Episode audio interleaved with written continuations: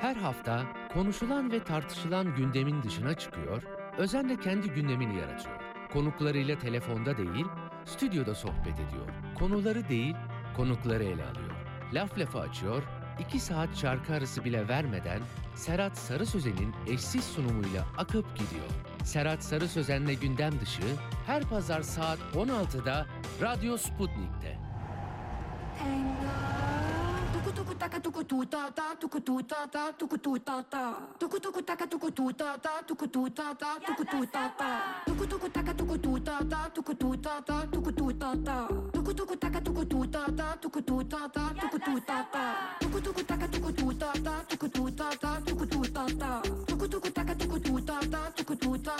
tu Me, soy Trini.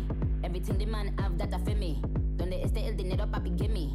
Pretty face, ugly girl can't see me. Me that pretty teeth, let me do my little shimmy. That look fat, but the waist still skinny. I'm so good that the man I get clingy. I'm even wetter when I do it at the henny. Wait, it's a great night. Me and my girls turned up, it's a date night. We got these bitches so pressed, but but break lights. Them bars really ain't hitting like a play fight. Yo, mira, mira, mira, conmigo pa' amiga. Loca, loca la vida. Yo soy muy rica, papel plástica. Some say football, some say soccer. Look a shot, go blocker.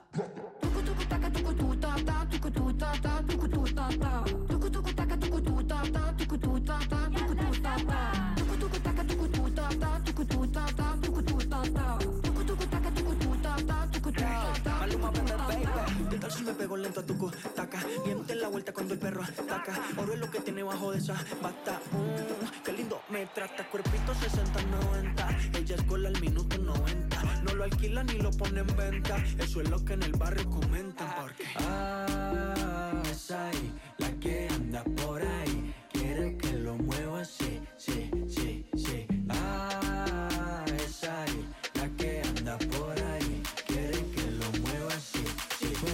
Me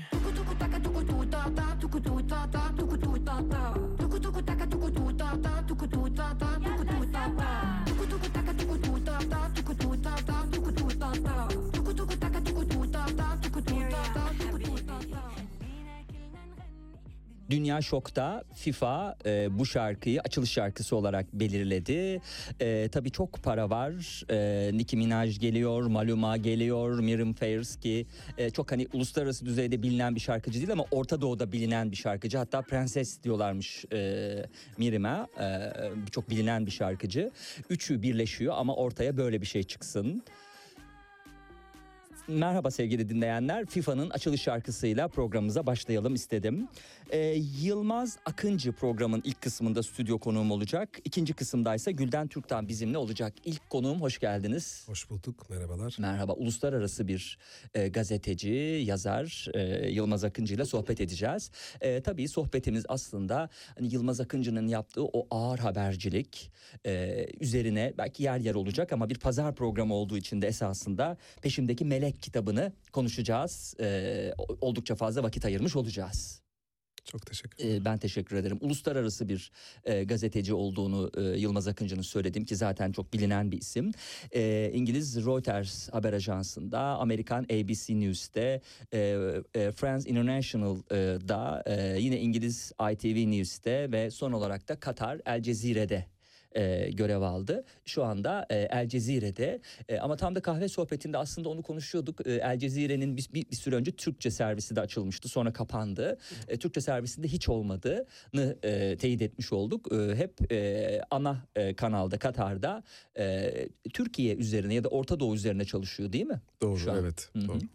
Ee, peki e, Türkiye'nin e, yanı sıra Orta Doğu ve dünyanın birçok ülkesinde de görev yaptı. E, 2003 Irak, 2011 Suriye ve 2021 Azer, e, Azerbaycan son olarak da 2022'de Ukrayna'da önemli haber ve röportajlara imza attı. Ve sonra peşimdeki melek geldi. Aslında sizin yaptığınız işle çok e, yakından ilgili. Nerede kurgu başlıyor, nerede bitiyor işin açığı. Romanda bir parça zorlanıyor aslında okuyucu değil mi? Çünkü sizin de yaptığınız işi biliyorsa. Hayırlı olsun yeni roman bu arada öncelikle. Öncelikle çok teşekkür ediyorum. Şimdi eee, yıllardır hani bu mesleği icra eden biri olarak eee, 2003'te ilk savaş deneyimini eee, yaşadık eee, Irak'ta. Gerçi çok hızlı bir savaş olmuştu o zaman. Eee, Saddam Hüseyin'in devrildiği Ee, o savaştan sonra da çeşitli savaş ortamlarında bulundum. Ama e, kitabın anlattığı hikaye 2011'de başlıyor. 2011'de e, bir gazetecinin e, Paris'te çok farklı bir ortamda bulunurken bir anda kendisini çatışma ortamları sonra e, deprem bölgesi arkasından da e, savaşın ortasında bulmasını e, konu alıyor. Ama kitabın içerisinde çok değişik konular var. Özellikle e, birincil bence çok e, gizli, çok açık açık yazılmasa da e, bir umut var. Kesinlikle her koşulda, her şartta e, umudunu kaybetmemesi gerektiği insanın. E, buna ilişkin çok ciddi e, durumlar var. E, kurgu konusuna gelince bu kitap gerçekten gerçek e, hikayeye, gerçek olaylara e, dayalı bir kitap. Ama ba- bazı yerlerde zamanla ilgili, e, isimlerle ilgili, e, bazı olayların bitişi ve sonuçu so- so- başlangıcı ile ilgili bazı kurgularda bulunuyor evet. E, şimdi sadece savaşa değil mesela Van'daki depreme de bir tanıklık var kitaba baktığımız zaman. Yani o e, diyarın e, yani doğunun aslında karşılaştığı savaş dışındaki e, bir doğal felakette aslında zamanlama olarak tabii şeyi tutunca değil mi birbirine yak- aynı zamana denk gelince ona ilişkinde gözlemlerini aktarmış oldu Yılmaz Akıncı. Tam olarak söylediği gibi Yılmaz Akıncı'nın da e, Fransa'da geçiyor olay. Aslında e, muhabiri e, işte kameramanı vesaire herkes yabancı. Dolayısıyla bir yabancı gözüyle yani yabancı gazetecilerin gözüyle aslında ele alınmış. E, hani bu e, bir gazeteciyi bir Türk gazeteciyi zorlar mı acaba diye düşündüm ama e, tabii background'una bakınca Yılmaz Akıncı'nın e, belki hani bir Türk gazetecilerle yani diyelim ki A Haber'de geçen bir şey olsaydı bir işte bir haber koşturmacası olsaydı belki onu yansıtmak zorlayabilirdi ya da Türk başka bir CNN Türk'teki e, bir muhabirin deneyimi. E, dolayısıyla kendinizi daha rahat hissedeceğiniz için mi bu şekilde bir e, yaratım kurgusu seçtiniz? Yani insanlar genelde kendini e, yansıtabilecek e, konuları ele alırlar. Hani ben de bu noktada e, kitabı yazmaya başladığım zaman e, bir şekilde hani yazarların ilk kitapları çok fazla kendisinden bir şeyler anlatmak ister. Kendinden bir şeyleri çok e, koymak ister ortaya. E, ben o sınırı biraz koruyarak ama işte e, 2011'de başlayıp devam eden ciddi bir olay olaylar silsilesi var. Ee, ve bu silsileyi yazarken de tabii ki uluslararası medya gözünden çünkü yani kendi çalıştığım yer Hmm. orası olduğu için en iyi hı. bildiğim yer orası, en iyi anlatabileceğim yer orası olduğunu düşündüm. Ee, böyle başladı. Hı hı.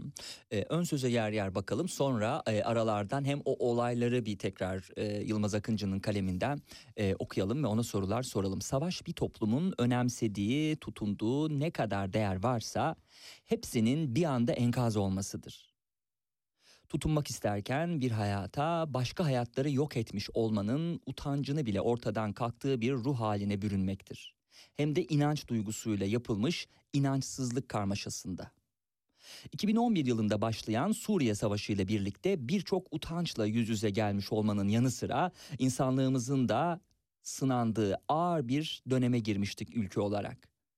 Ülkemiz yeniden bir köprü ülke haline gelirken savaştan kaçan Suriyeliler de insanlık tarihi boyunca bu köprü ülkeden geçen binlerce toplumdan biri olmuştur. Çünkü insanlık tarihinin başından beri bizim ülkemiz zaten büyük şair Nazım Hikmet'in de dediği gibi dört nala gelip uzak Asya'dan Akdeniz'e bir kısrak başı gibi uzanıyordu. Arkalarında parçalanmış hayatlar bırakarak bu topraklara.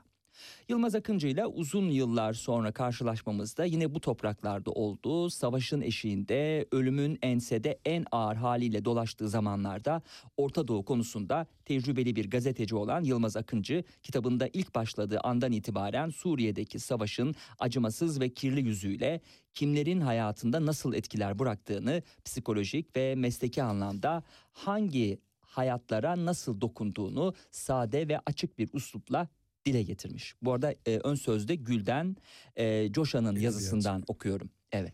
Yıllardır yapmış olduğu gazetecilik mesleğindeki deneyimlerinin yanı sıra onurlu bir yolda ilerlemenin verdiği vicdani sorumluluğu taşırken insanların sesleri, dramları, çığlıkları, öfkeleri, kimi zaman da sevinçleri arasında derinden hissettiği ölümle yaşam kıyısındaki gelgitleri aktarmış kitabında. Okur belki de onun yaşadığı olaylar ya da yanılgılar konusundaki krizi, krize yönelik soğukkanlılığını şaşırtıcı bulabilir diye sürdürüyor ve bu kitabı okuduğumda savaşın gürültüsünün yanı sıra insanların hangi cephede olursa olsun sermayenin palazlandığı bütün savaşlarda tek kaybedenin kadınlar, çocuklar ve onurlu yaşamı sürdürmeyi hedefleyen emekçiler olduğunu gözler önüne serildiğini de gördüm diyecektir. Kesinlikle e, çok önemli bir giriş. E, burada kitabın çok e, uzun olmadığını öncelikle belirtmek istiyorum. Kitap 160 sayfa e, ve oldukça akıcı yazmaya çalıştım. Şu, şu ana kadar kitapla ilgili okuyan insanlardan aldığım e, reaksiyonlar da bu, bu, bu, bu ölçütte. E, çok e, akıcı bir dille ve e, çok sürükleyici bir şekilde olduğu. E, bu da benim gerçekten e, çok önemsediğim bir nokta. Yani inanın Türkiye'de e, çok ünlü e, yazarların romanlarını bazen maalesef bitiremiyorum. Kitabı belli bir süre açtıktan sonra e, o sarmalın içine giriyor ve bir şekilde e, devam edemiyorum kitabı okumaya. Bu nedenle kendi kitabımın hani yazarken buna çok e, özen gösterdim. Yani başından beri başından başlayarak belki siz de okudunuz, belki sizin yorumlarınızı da alabilirim birazdan. Tabii. E, başından başlayarak ciddi bir e, olaylar zinciri var ve bu olaylar zincirini takip eden e, sürekli bir e, arada sorgulamalar var ama böyle e, okuyucuyu sıkmadan e, devam eden e, bir e, aksiyon var. Yani bir e, macera bir maceranın içinde gibi hissediyorsunuz kendinizi. O açıdan oldukça e, değerli olduğunu düşünüyorum bu eser. Ee, doğru söylüyorsunuz, haklısınız. Sizin de söylediğiniz gibi e, Fransa'da başlıyor. E, bir e, başlangıca bir bakalım Paris'e. Bu arada güzel yerlerde geçiyor, şık oteller. E, seviyorsunuz siz e, değil mi? Dünyanın birçok yerini gördüğünüz için aslında böyle e, kaliteli mekanları ve güzel e, otelleri çok da buluyorsunuz. Otel, e, romana da zaten bunları yedirmişsiniz yer yer. Şimdi biraz böyle yaşam tarzı olarak e, şimdi zıtlıkları yaşayan insanlar biliyor bi- Hmm. bi- bilemiyorum. Yani çok dipte yaşayan ya da böyle e, çok ağır dramları gördüğünüz zaman genelde e, onun tam karşıtı daha e, böyle anı yaşayan hani böyle bir carpe diem felsefesiyle hareket edip e, en güzel, en lüks, en iyi şeylere e, ulaşıp oralarda e, o tezatı e, yaşamaya çalışıyor insan. O açıdan e, bunları e, böyle hani illa lüks olsun diye değil ama çok özel, güzel seçilmiş, daha hani e, oranın şehir ve tarihini yansıtan bu tür şeylere çok önem veriyorum. E, mekanlar da o açıdan öyle. E, işte şehir betimlemeleri var e, kitabın içerisinde. Özellikle Paris, İstanbul, e, Hatay e, gibi. Mesela Hatay'da e, ki böyle kalınabilecek en e, iyi otel. Ben de hatta kalmıştım bir sefer biraz uzak şehir merkezinden ama hani şık olarak e, her yerde de hani hem sadece yurt dışında değil Türkiye'de de kalınabilecek gerçekten güzel yerleri gözlemlemişsiniz. Bir taraftan da okuyucuya da onu veriyorsunuz. Yani mekanlar da aslında gerçek onu söyleyelim. Hani zaman gerçek mekanlar da en azından benim görebildiğim mekanlar yani o Hatay'daki o bahsettiğiniz otel diğer yerler e, onlar da gerçek yerler. Şimdi eh, Paris'e bir bakalım. Paris'ten tabii haber alacak e, gazeteciler. Kayboluyorum diye başlıyor. Ölüm e, kimin için? Kimisi için yok oluş, kimisi için kurtuluş. Her gün 150 bin yıl öncesinden kalan hatıramızla e, acımasızca ölüyoruz, öldürüyoruz birbirimizi. Yan yana koştuğun, uykusunu paylaştığın, lokmanı böldüğün, birlikte uyuduğun, aynı rüyalar gördüğün varlıklar kayıyor elinden. Çalıyoruz, her birimiz sadece birbirimizin nefeslerini çalıyoruz itinayla. Oysa namuslu yaşamanın tuzlu gözyaşlarına sıvanmış yollarına yolcuyuz diye e, başlayacak italik yazıyla Paris 2011'de e, değil mi? E, o ortamı bize anlatır mısınız? Tam olarak nasıl bir ortamda ne haber alıyor da e, gazeteciler böyle şeye gidiyorlar, Orta Doğu'ya gidiyorlar ve gerçekten de böyle midir? İşte Türkiye'ye geliyorlar düzeltiyorum. Evet. Şimdi e, yani kitabın başladığı ilk yer 34 askerimizin şehit olduğu Hı hı. bir e, çatışma ortamından geliyor haber. Şimdi kitabın içinde yer yer e, bölümlerde geçiyor. E, insanın coğrafyası insanın kaderidir diye. Hı hı. Uluslararası mecralarda çalışsanız da e, belli olaylarda sizi tercih ediyorlar. Çünkü o yörenin dilini bildiğiniz için, o bölgeyi e, tanıdığınız için e, bir anda oraya bir yolculuk başlıyor ve e, işte Paris'teki burjuva bohemyen bir ortamda Paris'in e, e, güzel sayılabilecek çok e, şık semtlerinden birinde bir akşam ev etkinliğinden bir anda kendini uçakta arkasından çatışma ortamında kendini buluyor gazeteciler. Gerçekten de bir e, partideyiz ve e, Fransa'da özellikle Bohem Burjuva tam olarak e, burasıydı. Hayatı yaşayan ve iyi işleri olan insanların her biri böyle partilerde eğlenmeyi severler. Bobu diye tanımlıyorlar. Bobu Bohem Burjuva demek. Şık giyinip şık mekanlara giderken bir taraftan da devleti eleştiren sosyalist çizgideki insanlar çoğunlukla. Bunlar neredeyse hepsini tanıyorum farklı yerlerden diyecektir aslında yer yer kendisinden de e, özellikler sarf e, romana tabii yerleştiren ilk roman olduğu için de çok tabii e, yazar. Parti erken bitiyor konuştuğumuz gibi sevgili dinleyenler sayfa 15 ilk paragrafa gideceğiz şimdi. E, Amelie'nin cazibesini kenara bırakarak telefonu elime aldım. E-posta gelmişti. Hakkari'de bir saldırı olduğunu ve onlarca Türk askerinin öldürüldüğü yazıyordu. Ardından hızlı bir e-posta trafiği başladı. Ne olup bittiğini öğrenmek için oradaki kişileri aramaya başladım. İlk uçakla İstanbul'a gitmek zorundaydım. Paris bütün eğlencesi ve karşısındaki karşımdaki güzel kadınla sohbet başka bir zamana kalmıştı diyecek. Tabii kitabın sonlarında e, sonunda tekrar e, bir e, ameliye kavuşma var mı? Hani yok mu? Hani kitabın tadını kaçırmış sayılır mıyım? Sayılmam. Çünkü aslında hani e, kitap bir aşk hikayesi değil sonuç olarak ama hani baştan söyleyelim. E, hani Ameli orada bekliyor sonuç olarak. E, bütün işlerini yaptıktan sonra e, olayı resmedecek olan gazeteci tekrar Amelisine değil mi? Kavuşacak. Emily ya da doğru bir telaffuzla. E, Fransızca'da Amélie, Hı hı, Amélie e, diye geçiyor. Hani İngilizler Emily, Emily diye biliyorlar. Bu benz aynı isim. E, şimdi orada e, yani kitabın başlangıç noktasını özellikle e, öyle bir e, yerden başladı. Çünkü e, daha önce de bahsettiğim gibi birçok savaş, birçok benzeri şey gördüğüm için hani ya da onlara şahitlik etmiştim ama bunu özellikle yazma gereksinimim e, çünkü kurgusal olarak e, yani gerçek kurgusu da yani olayların yaşanma kurgusu da e, benzer bir şekilde başladı ve bitmeyen bir e, şey var. Yani ileride belki değineceksiniz ben hani onu Hı hı. e, kaçırmıyorum ama sürekli bir e, işte bir aksiyon var. Hı hı, bir hı hı. savaş ortamına, Hı hı. çatışma ortamına gidiyorsunuz. Oradaki haberi daha bitirmeden bir anda deprem oluyor ve deprem bölgesine gidiyorsunuz. Deprem bölgesinde işte yaşananlar var, ciddi ağır yaşana, yaşanılan olaylar var.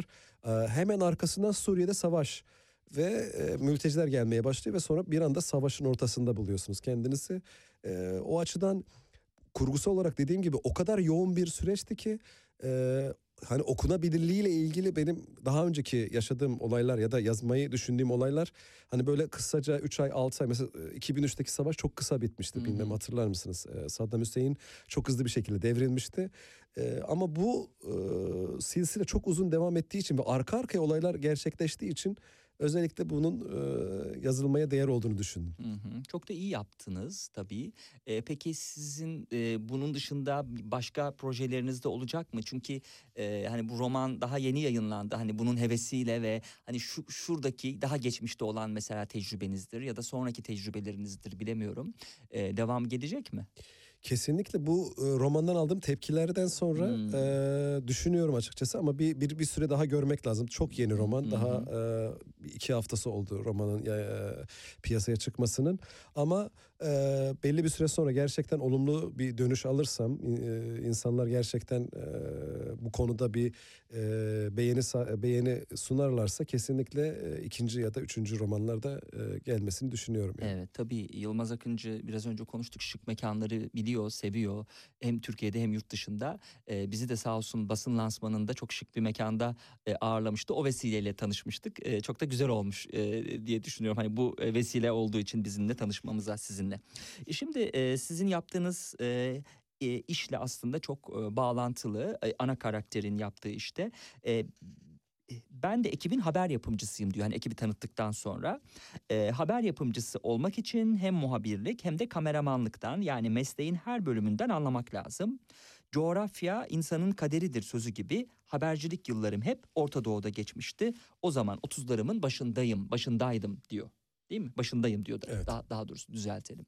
Siz de şu an El Cezire'de e, haber yapımcısınız. Evet hala? El Cezire Hı hı. televizyonda haber yapımcısı olarak çalışmaktayım. Dolayısıyla bir haber yapımcısının gözünden ana karakteri oluşturmak herhalde tutarlı olacak ve hiç e, bir yanlışlığa da zemin vermeyecek. Yani gerçekten de kendi yap- yaptığı iş olduğu için de daha kolay kurgulamış oldu e, Yılmaz Akıncı. Şimdi Yılmaz Akıncı'nın kendi hayatıyla kesiştiği kısımlarla romanı bir taraftan yakalamaya çalışıyoruz. Yani hani nerede kurgu var, nerede gerçeklik var dediğimiz zaman aslında kitap e, başta da yazdığı gibi gerçeklerden esinlenmiştir. Gerçek hikayeleri anlatıyor ama tabii ki isimler eğer bir yazılı bir muvaffakat alınmamışsa vesaire kişilerin e, değiştirilmesi de çok tabii. Şimdi e, sayfa 17'ye geçtiğimde e, insanı diye başlayan e, paragrafı bulacağım. Evet insanı Tanrı'ya yönelten neydi? Neden özellikle zor dönemlerde Tanrı'yı anıyoruz sorusuyla ilerliyor. Bu soruyu ben size söylemiş sormuş olayım. Hani sizin sorduğunuz soruyu. E, oradan hani kitaba bağlamış olalım. Şimdi kitabın ismi de Peşimdeki Melek. Hı hı. Aslında e, bu melek inancını da biraz e, burada sorgulamak gerekir. E, kitabın ilerleyen bölümlerinde göreceğiz e, insanlardaki e, hani birini koruyan bir güç e, gerçekten hani e, hem Tevrat'ta hem İncil'de hem Kur'an-ı Kerim'de ve bir, di- diğer birçok inanışta melek inancı var. E, kitap tabii ki böyle benim e, yani kendimi yansıtmaya çalıştığım için kitapta e, böyle bir mistik, dogmatik ya da e, dini bir anlayışta melek kesinlikle yok kitapta. Ama e, melek inancı yani sizi koruyan bir güce siz bunu enerji diyebilirsiniz ya da e, Müslümansanız e, Kur'an-ı Kerim'deki e, melek inancı diyebilirsiniz ya da diğer dinlerde de çok çok net bir şekilde belirtilmiştir. İncil'de e, Daniel'e her zaman işte aslanın ağzını kapatır e, melek. E, hatta Vatikan'da fresklerde Aziz Petrus'u e, hapishaneden kurtarmıştır melekler. E, çok net şekilde e, resmedilmiştir, e, belirtilmiştir. E, bu açıdan işte e, Tanrı inancı da burada başlıyor. İnsanlar zor dönemlerde genelde e, kendisini koruyacak, kurtaracak bir e, güce inanırlar. Aslında e, belli bir süre sonra e, o gücün e, işte kendileriyle e, beraber kendi emekleri, çabalarıyla beraber başladığını gösterir. Ama birazcık da belki de e, o insanların hani insan psikolojisinin zayıflığıyla ilgili Hmm. bir an evvel bir şeye tutmak ve tutun tutunmak iste, isteyişi vardır. Evet, bütün bu soruları sormak için bir hayli zaman devirmiştim dünyada ama zor koşullarda insanların çıkmaz noktalarını her gördüğümde işin içerisine Tanrı ve inançlarını koyup hareket edebilmeleri her zaman şaşırtmıştı beni. Keza şimdi de farklı değil ve yüzyıllar öncesinde de aynen böyleydi diye sürdürecek. Tabii dediğiniz gibi e, hani dini bir çağrışımla konmamış olsa bile acaba bir dilenma var mı? Çünkü hani savaşta çocuklar ölüyor, savaşta e, çok e, daha dezavantajlı konumdaki kişiler daha fazla zarar görüyor. E, tabii bu da acaba inançları sorgulamaya hani neden bir koruyucu melek hani gelmedi sorgulamasını yapma anlamında ya da yaptırma anlamında bir dilenma oluşturur mu? Ne dersiniz? Şimdi kesinlikle hani e, çok dramatik olaylar gördüğünüzde hani e, yani Suriye'de bir kendi başımdan geçen bir olayı e, söyleyeyim. E, çok yakın bir yerde Azaz'a ilk basınç bombası atmışlardı. Basınç bombası bilmeyenler için anlatayım. E, bir şarapnel ya da e, barutla yapılan bir bomba değil. E, basınçın bas, basıncın e, insanlar üzerindeki etkisiyle e, evler ve insanlar üzerindeki etkisiyle e, insanları öldüren bir bomba E, ve çok tahrip gücü yüksek. Yani e, insanın en büyük parçası 8-10 santim civarında kalıyor bombanın düştüğü yakın civarlarda. Şimdi orada e, bir babanın e, tuttuğu bir kendi kızına ait bir e, ceset parçası vardı. Kendi kızının e, en büyük parçasını elinde tutup ve orada e, Allah'ı sorgulaması vardı ve Tanrı'yı sorgulaması vardı. Bir bir taraftan nasıl Tanrı buna izin verebilir? Bu çocuğa nasıl kıyabilir? Bu çocuğun e, nasıl korumaz? Böyle bir se, se, se- serzenişi vardı. Şimdi böyle ortamlarda tabii ki insan ister istemez eee, ya neden bunlar korunmuyor, neden böyle bir şeylere izin veriyor diye bir şey düşünebilir. Ama her zaman için eee, dünyada böyle bir eee, durum söz konusu. Her zaman için hani böyle bir iyilerle kötüler arasında bir eee, bir çek- çekişme var ve sürekli hani bu yin ve yang e, o olayında olduğu gibi sürekli bir e, dönüşüm var. O insanlar bomba atan insanlar kendilerine iyilik attığını düşünerekten e, kitabın ilerleyen bölümlerinde de var. İşte e, öldüren de e, aynı Allah'a inanıyor. ölen de aynı Allah'a inanıyor ve birbirlerini e, öldürmeye çalışıyorlar. Hani aslında buradaki çok ciddi bir tutarsızlık da Hı hı. bir şekilde kitapta Hı yer bulduğunu düşünüyorum. hı hı. Silah sesleri ara ara neredeyse her yarım saatte bir duyuluyor. Geçerken sokak köşelerinde askerler çeviriyor her seferinde. Yabancı basından oluşumuz onları bir hayli tedirgin ediyor. Uygun bir dil bulup amacımızı açıklamaya çalışıyorum. İzin ve akreditasyonları gösteriyoruz her seferinde diyecektir. Zor ama değil mi? Yani basın mensubu olmak zor. Yabancı basın mensubu olmak acaba bu zorluğu arttırıyor mu? Ee, yoksa e, hani biraz daha belki ilişmiyorlardır. O yüzden biraz daha rahat mı oluyor? Nasıldır bu e, yabancı basın mensubu olmak? Kesinlikle çok daha zor. Hmm. Ee, çünkü yabancı basın mensupları tehdit olarak görüyorlar. Hmm. Hani e, her iki tarafta tam olarak neyin kendi taraflarında yapıldığını işte e, yansıtmak istemiyor ve bir de e, genellikle yabancı basın organlarının kendi ülkelerin aleyhine yayın yapacaklarını düşünüyorlar. E, yani bu yanlış bir şey yaptıkları için değil ama e, ya da e, gerçeği gizlemenin dışında e, karşıdaki basın mensuplarının olayı çarpıtabileceğini ya da farklı bir şeye gösterebileceğini düşünürler ve genellikle çok ciddi sorgulamalardan geçerse özellikle Orta Doğu bölgesinde e, ilk akla gelen şeylerden bir tanesi budur. Peki e, bunun haklı bir tarafı e, zaman zaman olduğunu düşünüyor musunuz? Bu sorgulamanın. yani çok e, ya gazetecilerle Yani ilgili acımasız bir sorgulama mı bu? Haksız bir sorgulama mı? Yoksa Bence- bence- yer yer belki hak verilebilir mi? Hani bunu tamamen objektif olarak soruyorum. Bence yani yabancı gazetecilerin yani Türkiye'de ge- genel olarak basın mensuplarının e, eğer gerçekten bir gazete ya da bir televizyona mensupsa e, bu kadar ağır bir e, sorgulamaya e, girmesi ya da zaten mesela çok burada bir mantıksızlık var şöyle ki hani kendi yerel kanalları kendi yerel ajanslarının zaten o insanlar bu görüntüleri temin edebiliyorlar satıyorlar yani. Türkiye'deki bütün ajanslar yabancı ajanslara e, ajanslara ya da televizyonlara görüntü satıyorlar haber satıyorlar. Hani bu habere zaten ulaşacak o insanlar. Bunlara zorluk göstermenin e, çok büyük bir e, mantığı, Hmm. manası yok. Genelde birçok Orta Doğu ülkesi bu insanlara karşı bir e, reaksiyon geliştirip onların habere ulaşmalarını engellemeye çalışıyor. Ancak aslında onlarla daha çok diyalog kurup e, daha çok e, olayı anlatıp onlara e, ulaşmak gerekir. Yani Amerika'da ben görev yaptığım dönemde e, birçok e, üst düzey işte Pentagon'dan ya da e, Amerikan İçişleri Bakanlığı ya da herhangi bir baka senatörlerle çok rahat bir şekilde iletişime geçebiliyorsunuz. Ama burada Türkiye'de bir yabancı basın mensubunun hani bir üst düzey bir bakanla bir araya gelmesi ya da e, Ürdün'de kraliyet ailesine yakın bir araya birisiyle bir araya gelmesi bırakın onu ya da işte Suriye gibi bir ülkede e, başkente seyahat etmesi bile e, inanılmaz zor ve inanılmaz şartlara bağlı. Evet bu arada e, gerçekten Türkiye'de yaşayanların yabancı basın mensuplarını el üstünde tutması lazım. Çünkü yabancı basın olmasaydı sevgili dinleyenler haber alabileceğiniz kaynaklar acaba var mıydı? O da ayrı bir konu.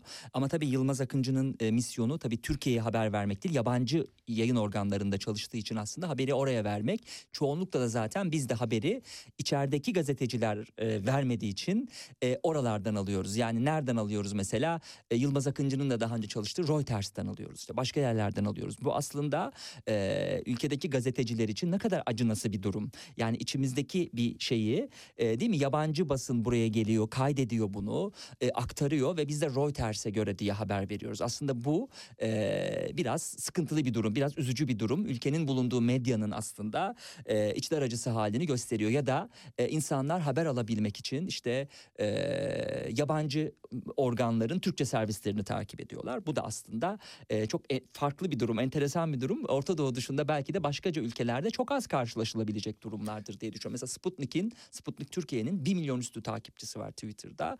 Ama Sputnik Mundo'ya baktığımda, en son baktığımda hani 10 binlerle ölçülüyordu ki Latince konuşulan ülkeler ve nüfusu bu kadar fazla olmasına rağmen.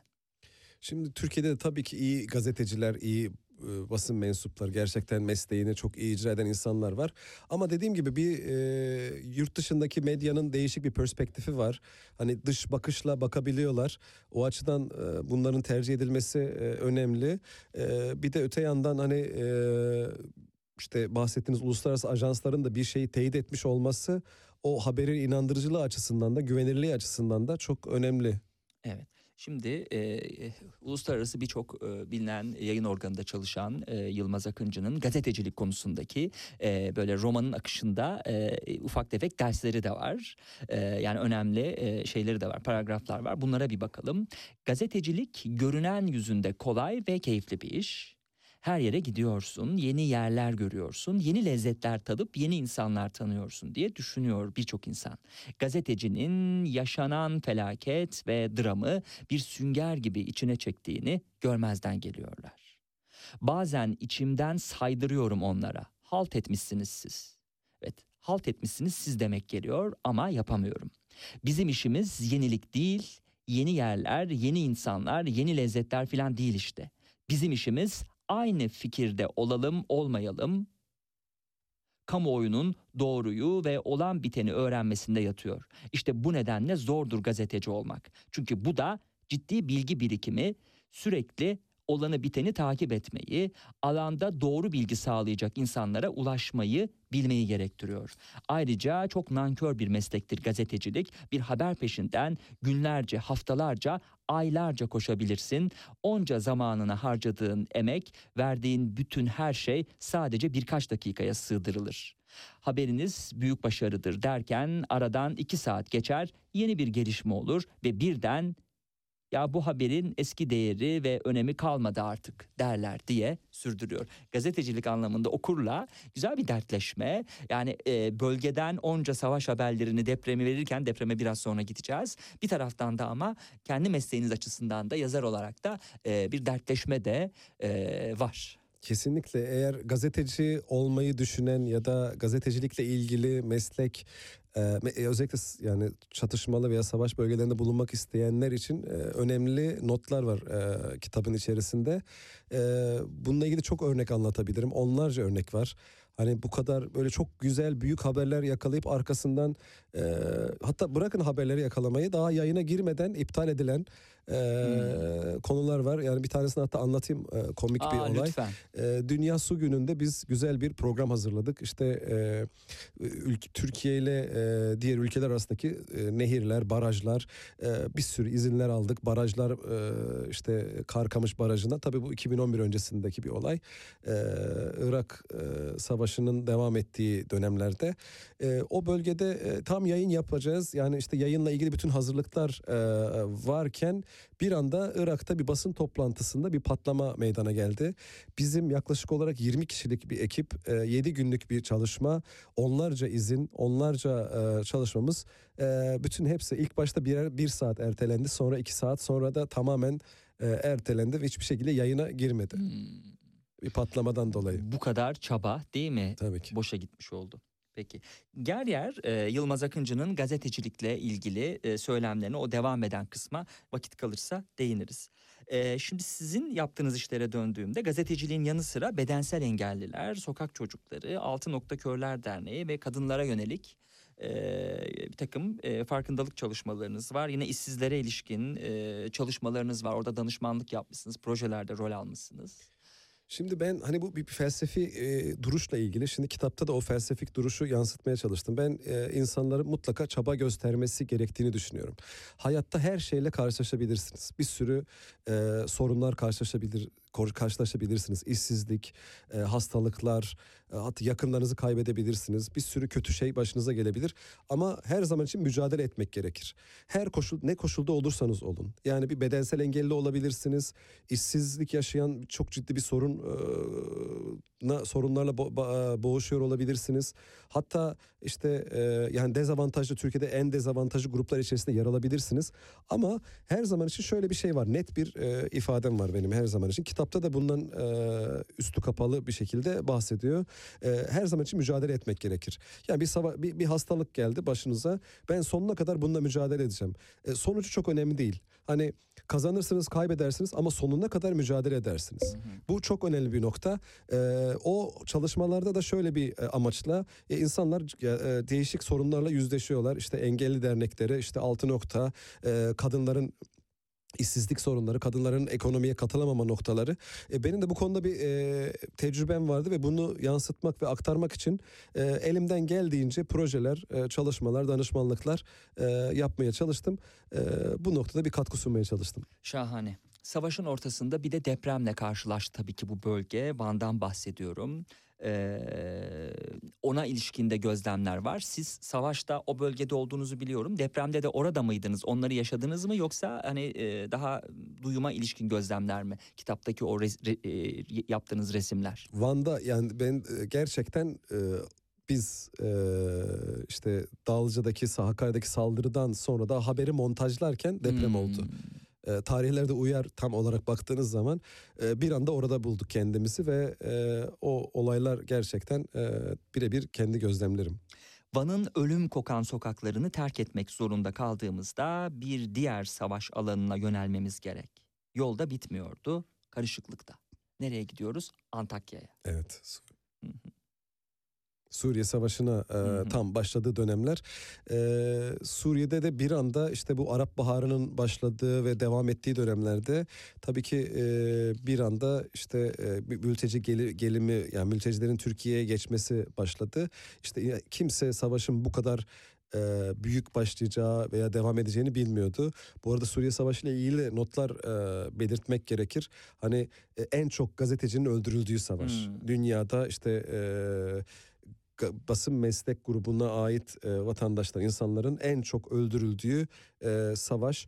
Bu gerçekten önemli bir detay E, ve hala Hatta devam not ediyor. almıştım. İzninizle hemen aldığım notu söyleyeyim. 70'ten fazla gazetecinin ve 700'e yakın medya çalışanının öldüğü bir savaş diyorsunuz değil mi? Kitapta aldığım nottu bu. Şimdi neden 700? O şimdi medya çalışanı dediğim zaman e, şimdi her e, yani Birlikte çalışan kişi de gazeteci sayılmaz. gazeteci yani sayılmaz ama sonuçta. Bilmiyorum sonuçta yani. yani. şöyle hani e, Arapçada naşidun diye bir kelime var. E, e, aktivist gibi ama bir taraftan da basın yayın organlarına bunlar yayınlara da katılıyorlar, yayın da veriyorlar. Hani bu çok net bir ayrımı yok açıkçası. E, belki gazeteci de diyebilirsiniz buna, e, aktivist de diyebilirsiniz. Hani o açıdan e, onlar medya medya organlarında çalışan insanlar aslında ama o ayrımı çok e, net bir şekilde çizemediğim için Hı hı. e, medya çalışanı diye belirtmek istedim. Evet. Bu arada e, Yılmaz Akıncı 6 dil biliyor. E, İngilizce, Fransızca, Arapça, Rusça 4 tane sayabildim. Bunun Ee, dışında İngilizce, Arapça, Rusça, e, İspanyolca, Fransızca ve Türkçe biliyorum. Hı hı. Şahane. E, Hatta e, burada radyoda da ayaküstü e, böyle Rusça sohbet etti. E, Valla ben de hani e, 2016'dan beri e, Sputnik'te çalışıyorum. E, tek kelime Rusça bilmiyorum. E, Dinledim yani güzel Rusçasını. E, Kolay öğrenilebilir miyiz? E, na- nasıldır? Siz Ya bayağı dilleri- hakimsiniz çünkü Dilleri öğrenmek çok e, yani çok kolay bir Şey değil, yetenek diyemem. gerektirir. Çok kolay Doğru. diyemem ama hani insan isterse kendini geliştirebilir. Türkiye'de genelde dil öğrenmeyle ilgili çok temel bir hata yapılıyor. Bu da e, dili mükemmel konuşma isteği var. Hmm. Ee, ben tam öğreneyim. Ee, konuşursam çekinirler. Ee, çekinir abi ne ne de, ne dersem yanlış mı olur? Genelde böyle bir e, çekince var. Ondan dolayı çok ilerletemiyorlar dillerini. Bence bir dili konuşmaya başladıktan sonra basic yani çok basit diyaloglarla başlayıp işte merhaba nasılsın e, gündelik kullanmayla arkasından geliştirilebilir birçok dil. Evet. Sonra Suriye'deki çatışmaların şiddetlendiğine dair haberler geldi. Ajanslardan peş peşe haberler düşüyordu. Birkaç gün sonra bizden Suriye'ye girmemizi istediler. Hala Antakya'da otelimizde konaklıyorduk. Sabah erkenden Güvetçi köyüne gidip herkesle olabildiğince konuşup çekimler yapmaya devam ediyorduk. E, tabii hiç kolay değil savaş muhabirinin e, olabilmek değil mi bir de o bölgede. Hem e, oradan böyle bize hani o dönemlerden bir e, şey e, anlatırsanız yani böyle hani bu bu stresli dönemleri bize bir aktarırsanız okur ep- epey okuduk okurken de epey etkilendik ama. Şimdi şöyle bir şey hani e, dediğim gibi olayla olay silsilesi öyle bir e, hızlı ve e, gelişiyor ki yani kitapta da onu da okuduğunuz zaman fark edeceksiniz. İşte e, bir çatışma bölgesinden kendinizi deprem bölgesinde deprem bölgesinde birçok e, kayıplar var. Hatta e, çok detay vermek istemiyorum ama kitapla ilgili yani otel yıkılıyor, otel, insanlar gazeteciler gene orada da e, deprem bölgesinde gazeteciler hayatlarını kaybediyor. Arkasından savaş bölgesine gelmeye başlıyorsunuz. Bir belirsizlik var. Yani savaş ortamları genelde işte e, birçok tarifi var bunun.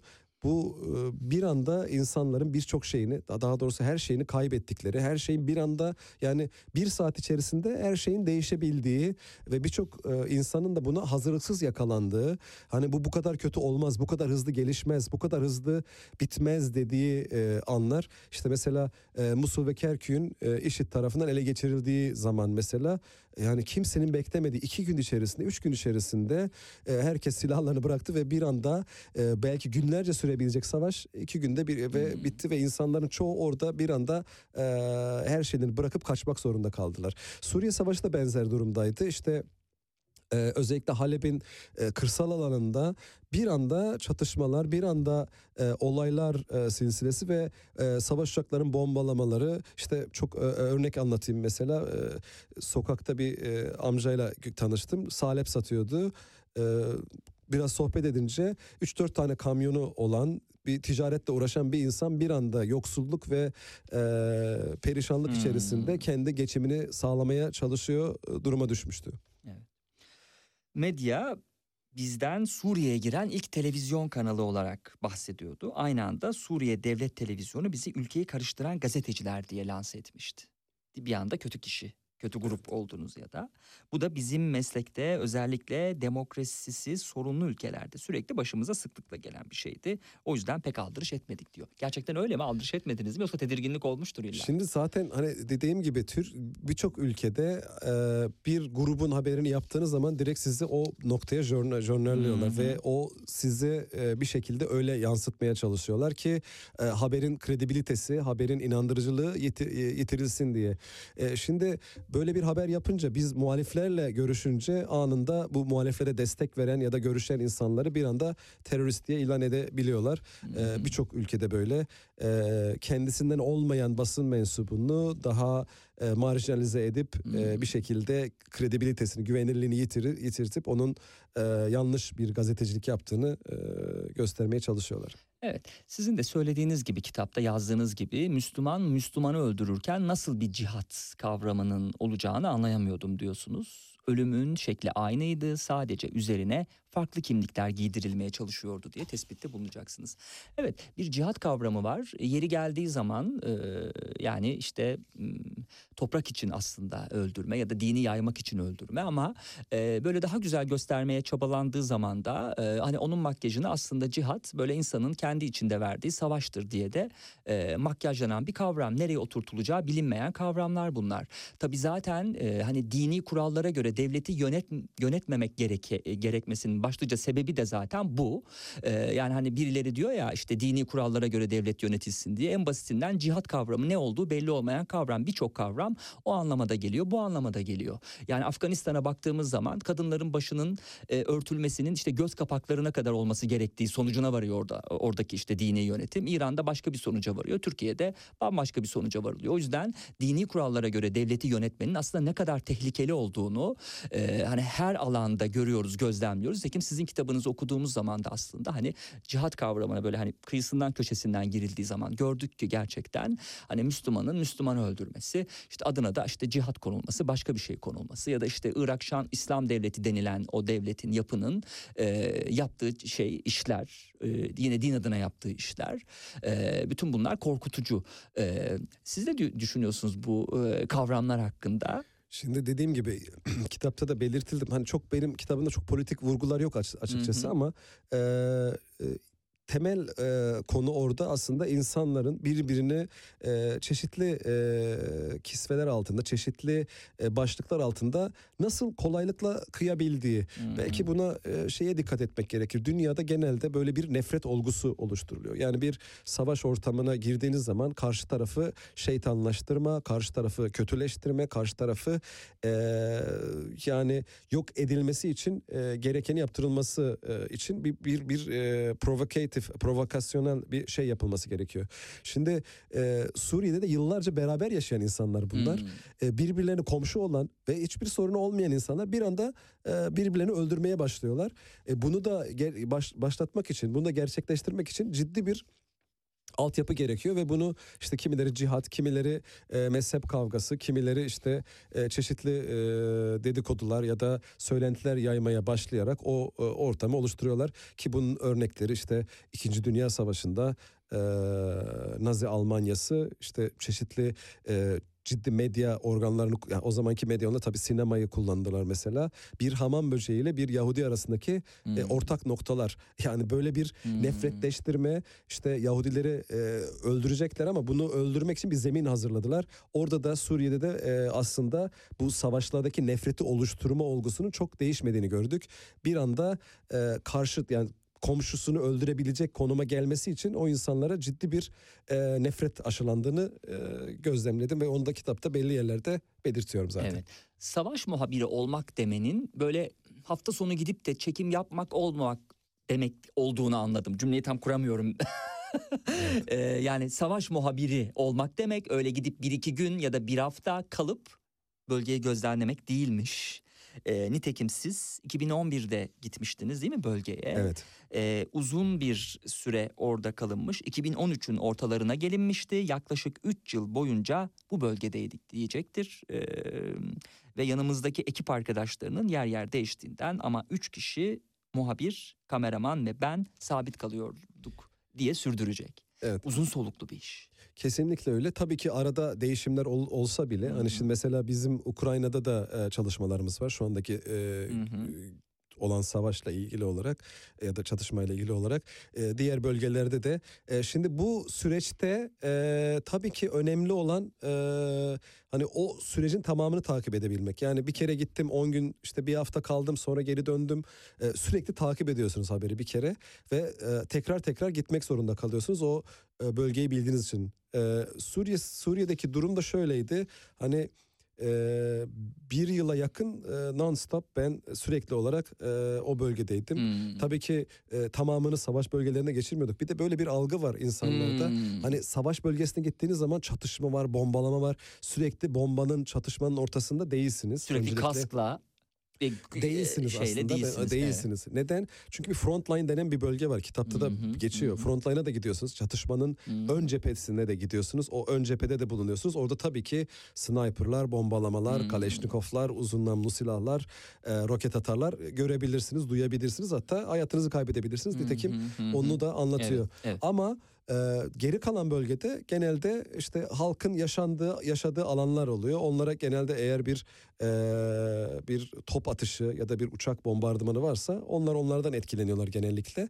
E, savaş denince bir anda her şey genelde böyle diyorlar. Sürekli savaşın yani içindesiniz sürekli Asker bir olmuyoruz çatışma. sonuç olarak diyorsunuz. Yani sürekli 24 saat böyle bir çatışma bölgesi ön cephede bulunmuyorsunuz. Evet. Ama tabii bir de mahrumiyet bölgesi olduğu için onun dışındaki yani göreviniz dışındaki kısımlarda ne yapılabilir sorusu da akla geliyor. Ama tabii o şehrin belki şık bir yerini bulabilirseniz belki böyle keyif alınabilecek bir yer varsa eğer o olabilir belki. Hani ne oluyor, oluyor bu? Hani işte küçük bir otelin böyle en yıldızlı oteli belki ya da en böyle lezzetli bir restoranı belki ama orada bir defa gidersiniz iki defa gidersiniz. Gerçek gazeteciler için bu kaotik durumda çalışmak çok zordu. Neyin doğru olduğunu anlamak söylenen her şeye inanmamak zorundaydılar. Bazı televizyonlarsa yaralanan birinin görüntüsünü defalarca veriyor, abartılı haberler yapıyordu ama gerçekten tarafsız olmaya ve insan hikayeleri sunmaya çalışan gerçek gazeteciler olduğunu da görebiliyorduk diye sürdürecektir eee, Yılmaz Akıncı yer yer. Siz belgeseller de hazırladınız. BBC'ye belgesel mesela buna ilişkin söyleyeceğiniz bir şey varsa hani şey yapayım geçmiş olmayayım. Yok, Bir e, hani belgesel tadında olduğu için birçok metin o aklıma geldi. E, notlarıma baktığımda e, Hollanda'daki bir e, televizyon kanalına değil mi? E, BNN İngil İngiltere'de BBC'ye yurt dışındaki birçok kuruluş içinde belgesel hazırlanmış. Yine savaş temalı belgeseller mi? Yoksa Çoğunlukla yani çok bu savaşla ilgili değildi. Hı Daha çok e, işte e, politik e, belgeseller. İşte e, Hollanda televizyonu için yaptığımız In Turkay diye bir e, program vardı 7 bölümlük. E, orada işte e, Türkiye'deki kavramlarla ilgili e, konular, e, politik e, yaklaşımlar, politik durumlar e, o konu alınmıştı. Bazen çok değişik e, konular da olabiliyor. İşte e, Türkiye'de kadın cinayetleri ya da e, işte e, çocuk işçiliği e, ya da e, yanı başımızda işte e, Suriye'deki e, mültecilerle ilgili kriz durumları ya da Ürdün'deki bir kampın konusu e, Zateri kampıyla ilgili mesela bir belgeselimiz olmuştu. E, ya da e, Lübnan'daki bir e, mezhepsel sorunlar e, konu olabiliyor belgesellerde. Tabii ki onlar daha uzun soluklu olduğu için haberler genelde kısa e, iki ya da üç dakikaya sığdırılmak zorunda. Ama belgeseller biraz daha e, geniş bir e, zamana yayıldığı için çok daha net bazı şeyler anlatabiliyorsunuz. O açıdan da daha keyifli işler açıkçası belgesel hazırlamak. E, bu açıdan çok tercih ettiğim bir şey. Evet. Mono kitaptan çıkan Yılmaz Akıncı'nın peşindeki Melek kitabının izlerini sürüyoruz. Ee, bir gazeteci algısı vardır diyor. Bana bir şey olmaz diye düşünürler ama Suriye o dönemlerde artık gazeteciler için çok tehlikeli bir yer haline gelmeye başlamıştı. Gazetecileri özellikle hedef alıyorlardı. Kendi seslerini duyurup gelir elde etme yolu olarak yabancı basın mensuplarını veya insani yardım ekiplerini kaçırma dönemi diyebiliriz. Bu sayede kendilerini tanıtacak pazarlıklara girişiyorlardı. Sonrasında zaten gazetecilerin kaçırıldığına dair haberler duymaya başladık. Tanıdığımız bir Fransız gazeteci kaçırılmıştı. 300 bin dolar fidye istiyorlardı diye e, sürecektir. Savaş zaten çirkin bir şey. Bir de bu savaşın hani çok adi bir e, kısmı olsa gerek. Yani savaşta ilgisi olmayan çok adi bir şey olsa gerek. Şimdi işte savaşın değiştirdiği hayatlar bir anda işte insanın karşıdaki yani karşıdaki insanları da bir anda çok hızlı değiştirdiği için kitabın başından beri bahsettiğimiz konu o e, o insanlar bir anda işte her türlü şeyi yapabilir duruma geliyor. Çünkü savaşta uzun süre kaldıkça bunu nasıl atlatabilirim e, algısı oluşuyor ve bu algıyı bir şekilde e, kendilerini e, korumaya yönelik her türlü işlem yapabiliyorlar. E, benim de bu kitapta açıkçası hani başından beri söylediğim e, Descartes'in bir lafı var. E, işte e, geçmiş işte geçmiş yüzyıla kitapları okumak o yüzyıldaki insanlarla ya da o yazarla sohbet etmek gibidir. Ben de bu kitapta özellikle hani karşıdaki kişiyle e, yaşadıklarımı bir sohbet havasında anlattım. Hı hı. Hani o bu kitabı okuyanlar gerçekten benle hani uzun soluklu bir sohbet gerçekleştirmiş gibi hissetsinler istedim. E, tekrar belirtiyorum hani kitabı böyle uzun, geniş, e, çok e, ağır bir şekilde değil, çok akıcı yazmaya çalıştım. E, biraz da böyle e, günümüz dünyasında artık Instagram'lar, işte e, Facebook'lar birçok şeyler Daha hızlı, hızlı bir şekilde her şey. tüketiliyor evet. her şey. E, her şey çok kısa bu kitabı da özellikle daha kısa tutup e, çok akıcı şekilde yazmaya çalışmanın temel, temel amacı da buydu. Evet Yılmaz Akıncı peşimdeki Melek kitabıyla konuk oldu. Bir vesile oldu aslında. Ee, hani biz Yılmaz Akıncı'yı e, uluslararası bir gazeteci olarak e, her koşulda e, sohbet etmek, misafir etmek isterdik ama kitapta çok güzel bir vesile oldu. E, bu anlamda hem e, savaş alanlarından e, gerçek gözlemlerini aktardı kitap boyunca hem de gazetecilik üzerine de e, ders mahiyetinde önemli metinler cümleler ve paragraflar e, oluşturdu ve okuyucuya sundu. E, bu kitabı da bütün dinleyicilerimize peşimdeki meleği hararetle öneriyoruz. E, programın sonuna geldik. Size yine bir gazeteci olan ve programımıza katılan Mehve Şebi'nin Dünyanın Dibi Oteli'ni kitabını hediye etmek istiyorum. E, iyi okumalar dilerim. E, dakikalar içerisinde e, 17 haberlerine bağlanacağız Selin Yazıcı'ya. Var mı son olarak söyleyeceğiniz Mehveş'i bir şey? tanırım. Evet ee, çok güzel olmuş. Tahmin ettim tanıdığınızı bir gazete meslektaşınız olarak. O da programa gelmişti. İki kitapla gelmişti. Biri bana biri de gelecekteki sürpriz konuğa olsun dedi. Güzel bir sürpriz oldu umarım. çok teşekkür ediyorum. Çok sağ olun. Çok e, keyifli bir programdı benim için. Sağ olun. 17 haberlerinden sonra programın ikinci kısmına başlayacağız. a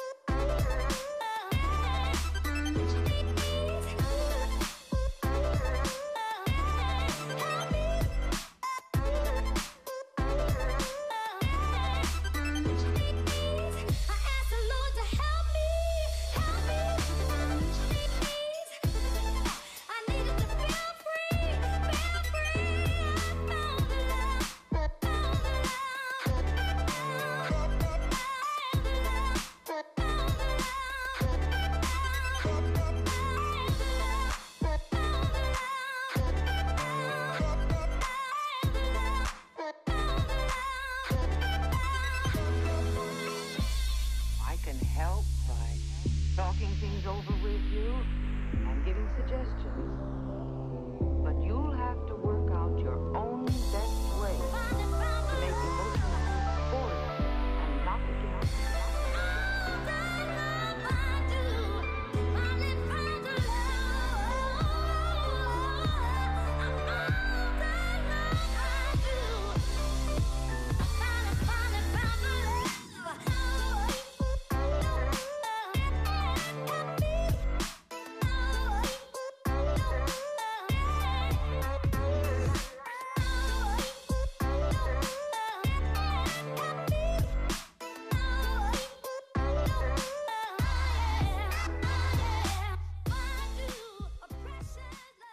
Programın ikinci kısmında birlikteyiz. 17 haberlerini Selin Yazıcı'dan aldıktan sonra bu defa stüdyomda ikinci konuğum e, Gülden Türktan. Hoş geldiniz. Hoş bulduk. Nasılsınız? İyisiniz? Teşekkür ederim iyiyim. Liderliğin karanlık yüzünü aktardınız okuyucuya sizde. Ee, tabii e, önemli şirketlerde çalışan ve o şirketlerde çok önemli pozisyonları e, kullanmış olan ya da işgal eden demeyi özellikle kullanmak istemedim. Bulunmuş olan bir kişi olarak e, önemli detaylar, hikayeler, ders niteliğinde metinlerden oluşuyor aslında liderliğin karanlık yüzü.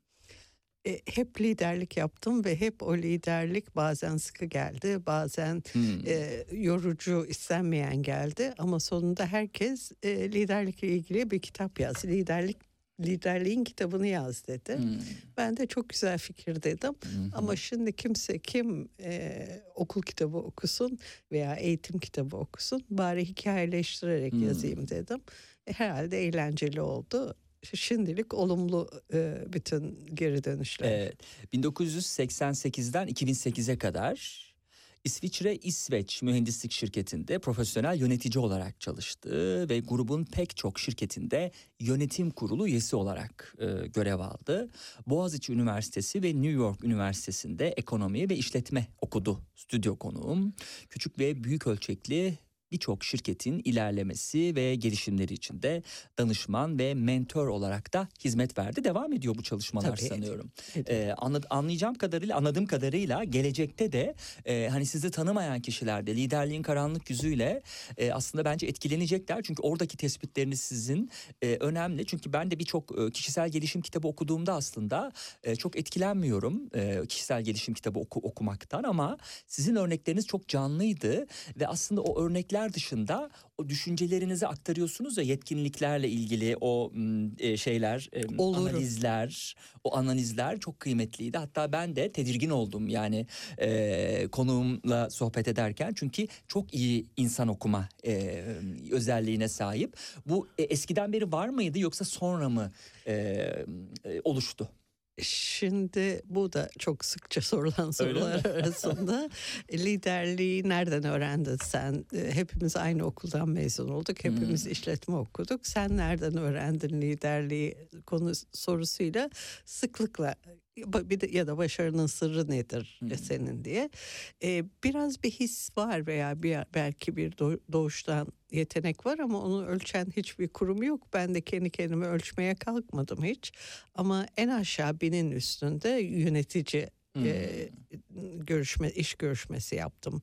Herhalde onun verdiği de bir Hmm. yetkinlik. Hmm. E, bir de takip ediyorum yani E, kendi departmanım kendimle çalışmayan insanları da e, görüşmelerine katılıp Hmm. Dış görüş veriyorsunuz belli prosedürler çerçevesinde veya e, kendim için işe alımda E, tutmayabilir ama şu an bulunan budur de- dediğiniz için sonra takip etmek zorundasın. Tutmayan ama ehven işer Hmm. eskilerin deyimiyle yani başka yok. E, Hmm. Ehven bu hadi alalım bakalım Hmm. dediğin insanı devamlı takip ediyorsun. Ne yaptım, doğru mu Hmm. yaptım, bu nedir diye. Dolayısıyla bir birikim oluyor. Ee, öyle bir insan ölçümü ortaya çıkıyor. Yayınlanmış çeşitli makaleleri ve cinsiyet üzerine yazdığı e, güldentürktan.com adlı bir blogu var. Cinsiyetin yanı sıra liderlik ve organizasyonel iyileştirmeler, yönetim, iş geleceği ve kurumsal yönetişim konularında konuşmalar yapıyor ve makalelerde yazıyor.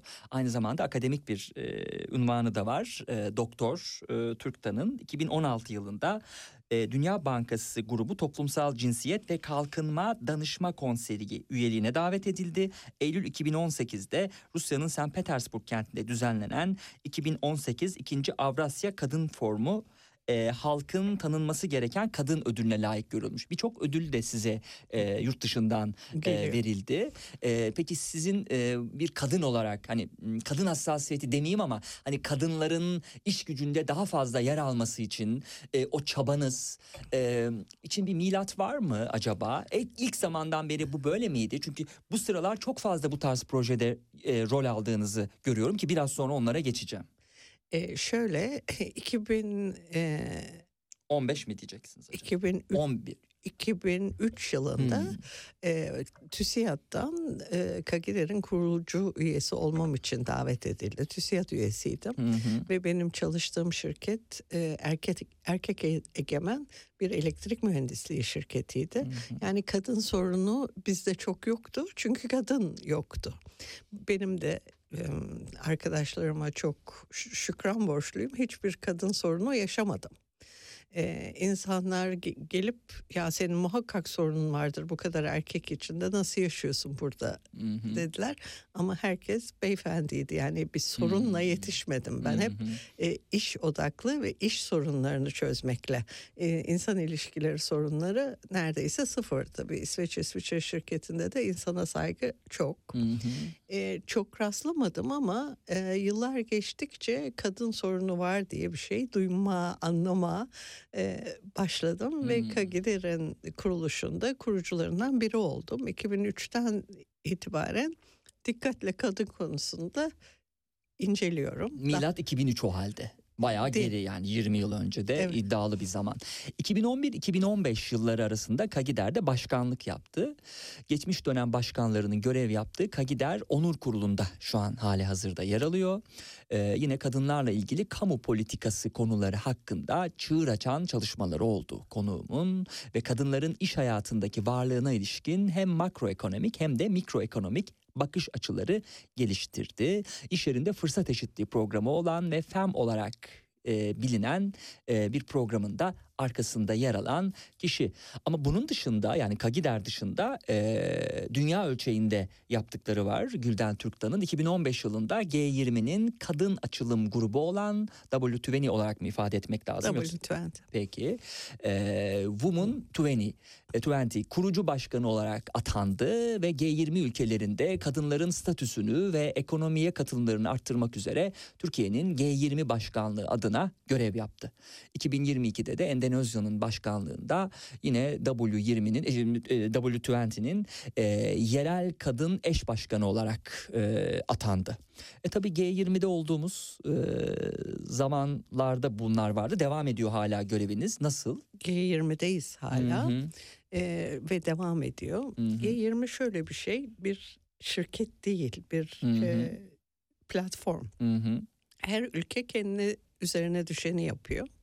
Biz 2015 yılında 2014'te Avusturya'da G20 ülke başkanlarının imzaladığı eğer ülkemizdeki e, kadın eşitsizliğini yüzde 25 azaltırsak yani bulunduğumuz yerden bir yüzde 25 hamle yaparsak hepimizin ekonomisi sürdürülebilir düzelecek dediği için Hı hı. e, W20'yi kurmak için lobi çalışmaları yaptık ve onda başarılı olduk ve W20 kuruldu. W20 kurulduğundan beri bu önümüzdeki sene Hindistan'a yani 1 Ocak 1 Aralık itibariyle Hindistan'a geçiyor başkanlık. 9 ülkede canla başla W20'de başarılı e, çalışmalar yaptı. Yani kadının ekonomiye dahil olması konusunda. Eğer kadın gerçekten ekonomiye dahil olursa bu ülke ekonomilerinde yüzde e, yüzün çok üstünde bir Amerika, bir Çin kadar büyüme sağlanacak. Hı hı. Bu, bu, bu önemli konuyu e, G20 ülkelerinin imza atıcıları biliyorsunuz erkekler çoğunlukla Hı hı. çok az kadın Hı var hı, hı hı. ve bir e, erkek devlet başkanları e, daveti olarak başarıyla sürdürüyor W20. Bu senede e, hem e, rural denilen e, tarımda kadının Hı hı, hı hı. e, çalışmalarına davet edildim. Hem de son G20 toplantısına davet edildim. Üstün başarı gösterdi Endonezya e, W20 çalışmalarında. Evet kolay gelsin. Bu arada bir açıklama yapmam gerekiyor zorunlu olarak. Aslında şunu kastetmiştim. Türkiye G20 ülkeleri arasında hani e- e- ekonomik e, daralmadan dolayı 21. ülke oldu ve Suudi Arabistan e, ilk 20 ülkeye girdi. E, ama tabii sevgili dinleyenler bu Türkiye G20'den çıktı anlamına gelmiyor. Şu an e, gelişen ülkeler sıralamasında 21. olsa da e, biraz önceki e, şey e, yani G20 ile ilgili e, yaşadığımız diyalog e, Türkiye'nin ekonomisinin e, yani 20. sıradan düşüşüyle ilgili ve Suudi Arabistan'ın ilk 20'ye girmesiyle ilgili bir çağrışımdı ama şüphesiz G20'deyiz hala. Böyle bir düşüş olsa da. Evet G20'deyiz Ay, hala. Çünkü bu programcı da bunu bilmiyor muymuş demesinler diye söylüyorum. Ee, malum ekonomik koşulları biliyorsunuz. Şimdi e, destek yayınlarından çıkan liderliğin karanlık yüzüne bir bakalım e, sevgili dinleyenler. Liderlik anılarımı yazarken aslında bunun insanların hikayesi olduğunu bir kez daha görüyorum. Mesleki bakış açılarındaki farklılıklara, kişisel görüşlere ve kültürlere rağmen liderlik tamamen insanlarla alakalı. Sanayi toplumunda yaşayan bizler artık daha önce tanımadığımız, beraber büyümediğimiz, beraber okumadığımız veya aile bağlarımızın bulunmadığı insanlarla çalışıyoruz.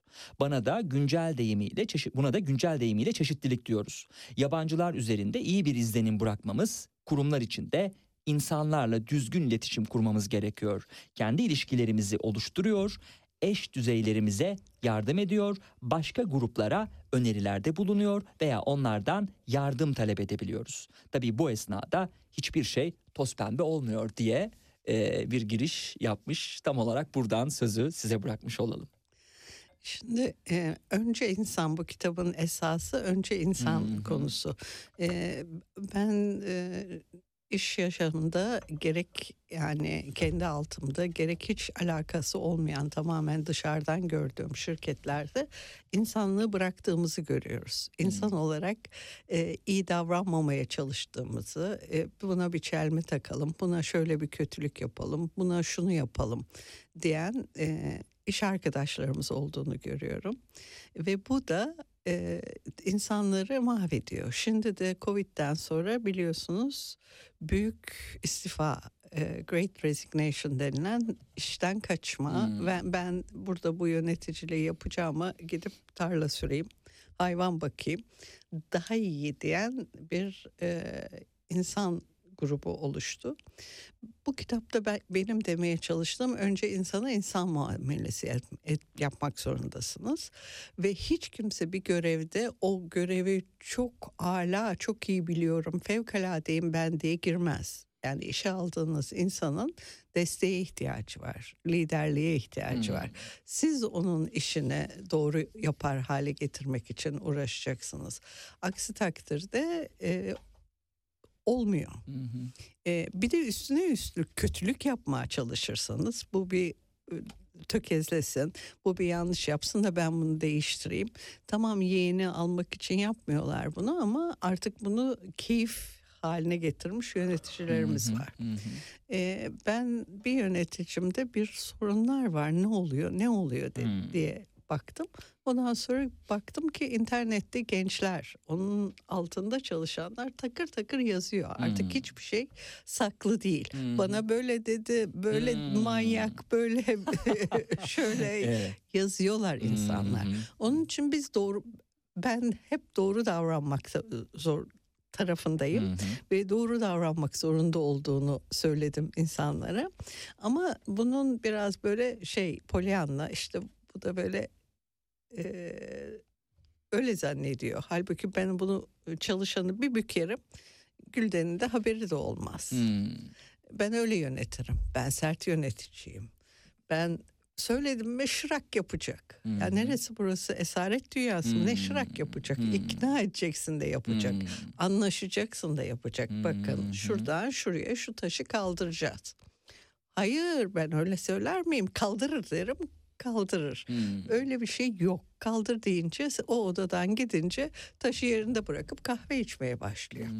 Halbuki onun o görevi olduğunu ve o taşı kaldırması için iknaya ihtiyacı olduğunu. Peki bahsettiğiniz bu yöneticiyi o zaman siz işe almamıştınız. Siz varken olmalı değil mi? Çünkü öyle olsaydı almazdınız herhalde bu tarz bir orta düzey yöneticiyi.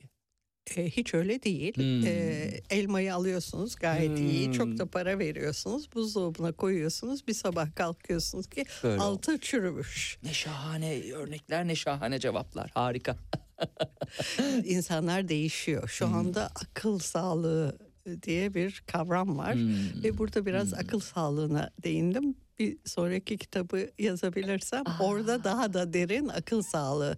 Akıl sağlığımız bozuluyor. Hmm. Vitaminlerimiz eks, e- aşınıyor. Hı hı. Yeterince vitamin almıyoruz veya lüzumsuz üzülüyoruz veya lüzumsuz e, istemediğimiz şeylere ekspoze oluyoruz. Hı hı. Sigara dumanı, egzoz. Evet. Bu arada ne kadar e, dürüst cevaplar? Yani biraz önceki soruya aslında kolay cevap. Evet cevabıydı ama hayır. Ben aldığımda da böyle olma yani e, bozulabilir değişebilir. İnsan bu sonuç olarak insan faktörü değişebilir cevabını almış olduk. Okuduğumuz kitaplarda o kadar idealize edilmiş ve steril tutulmuş bir liderlik imajı var ki sanırım beni bu satırları yazmaya en çok iten unsur işlerin o kadar pürüzsüz e, gitmediğini gösterme ihtiyacı oldu yolu gösterip tempoyu belirleyen bir lider özelliğin önderliğinde işbirliği içinde pürüzsüzce çalışan ekipler kulağa çok hoş geliyor ama iş hayatında bambaşka şeylerin varlığından bahsetmek zorundayım. Görüş ayrılıklarını çözmek, duyguların tutuşturduğu yangınlarla başa çıkmak zorundasınız. Münasebetsiz sorularla, dedikodularla, imalarla, kavgacılık hatta hafife alınmayla bile diye sürdürüyor yılların yöneticisi Gülden Türktan bir ders niteliğinde bir kitap aslında bu. Ee, değil mi? Liderlere de okutulması gereken bir kitap. Evet. Ee, ismi biraz provoke edici ama liderliğin karanlık yüzü. Siz mi tercih ettiniz? Ee, beraber yaptık. Hmm. Ee, çok tatlı bir editörüm vardı. Hı. Ee, onunla birlikte yaptık. Ee, bence de güzel oldu. Peki.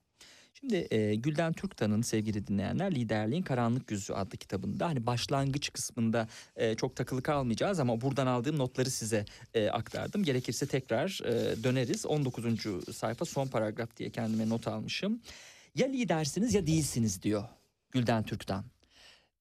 Bu gündüzle gece kadar nettir. Eğer bir şeylere liderlik ediyorsanız daha az sorumluluğu ve daha az stresi özlersiniz. Organizasyonlar üçgendir ve tepe noktaya yükseldikçe burgu kaçınılmaz olur diye sürdürüyor. Ee, yani lider yalnız bir insandır. e, tepeye çıktığınızda tek başınızasınız. Hı hı. Ve bu sefer başlıyor arka, aşağıdaki kadro. E sen e, iyi maaş alıyorsun. E senin araban da var. Hı hı. Sensin lider. Bize ne sen çöz. Hmm. E, biz bizden değilsin sen. Yani Hı hı. lider yalnız bir insan ve o burgunun başında oturmak e, insanı daha sert yapıyor. Evet. Bir de bilgi birikimi. Bütün bilgi size geliyor. Yani e, şu kadro kademenin de bilgisi geliyor, bu kademenin de bilgisi geliyor. O üçgenin tepesi size Hmm. akıyor. Hı hı. Onun için kendinizi çok sağlam tutmak zorundasınız ve e, ateşe de e, dikkat etmek zorundasınız. Ama ateş sadece lidere yapılmıyor. Lidere yap- Hı hı. ateş edildi diyen bundan başka bir kitap yoktur belki de. Hmm. Yani lider dediğin var ya tamamen otoritenin başıdır. Hı. Halbuki lidere de en çok ateş yapılıyor. Hı. Çok sevdiğim bir arkadaşım. E artık sen bir basamak yukarıya çıkıyorsan ben senin arkadaşın değilim. Hmm, dedi, Dedi, size. evet. Hmm. Yani başka başka bir e, varlık oluyorsunuz. O, buyurun. o varlığın e, devamını sağlamak zorundasınız. Hı hı. Ee, ama lider de böyle herhalde her dakikası çalışmayla geçmiyor olması gerek değil mi? Yani biraz böyle arkama yaslanmalı ve fikir üretebilmeliyim. Yani alt kadro gibi mesela bir collection çalışanı düşünün. Mesela sürekli arıyor.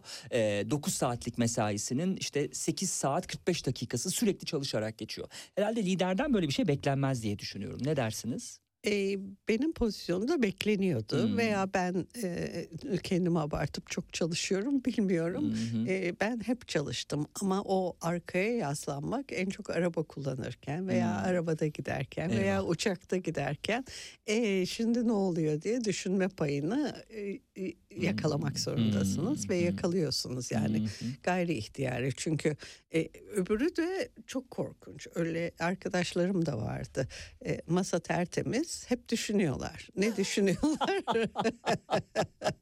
Bilmiyorum yani. Evet. bunun bir dengesi var. Siz de çalışmazsanız Hmm. e, sizin çalışanınız hemen onu fark ediyor. Bunun hiçbir şeyden haberi yok. Zaten raporu Hmm. okumamış. Hmm. zaten giden rapordan bilgisi yok.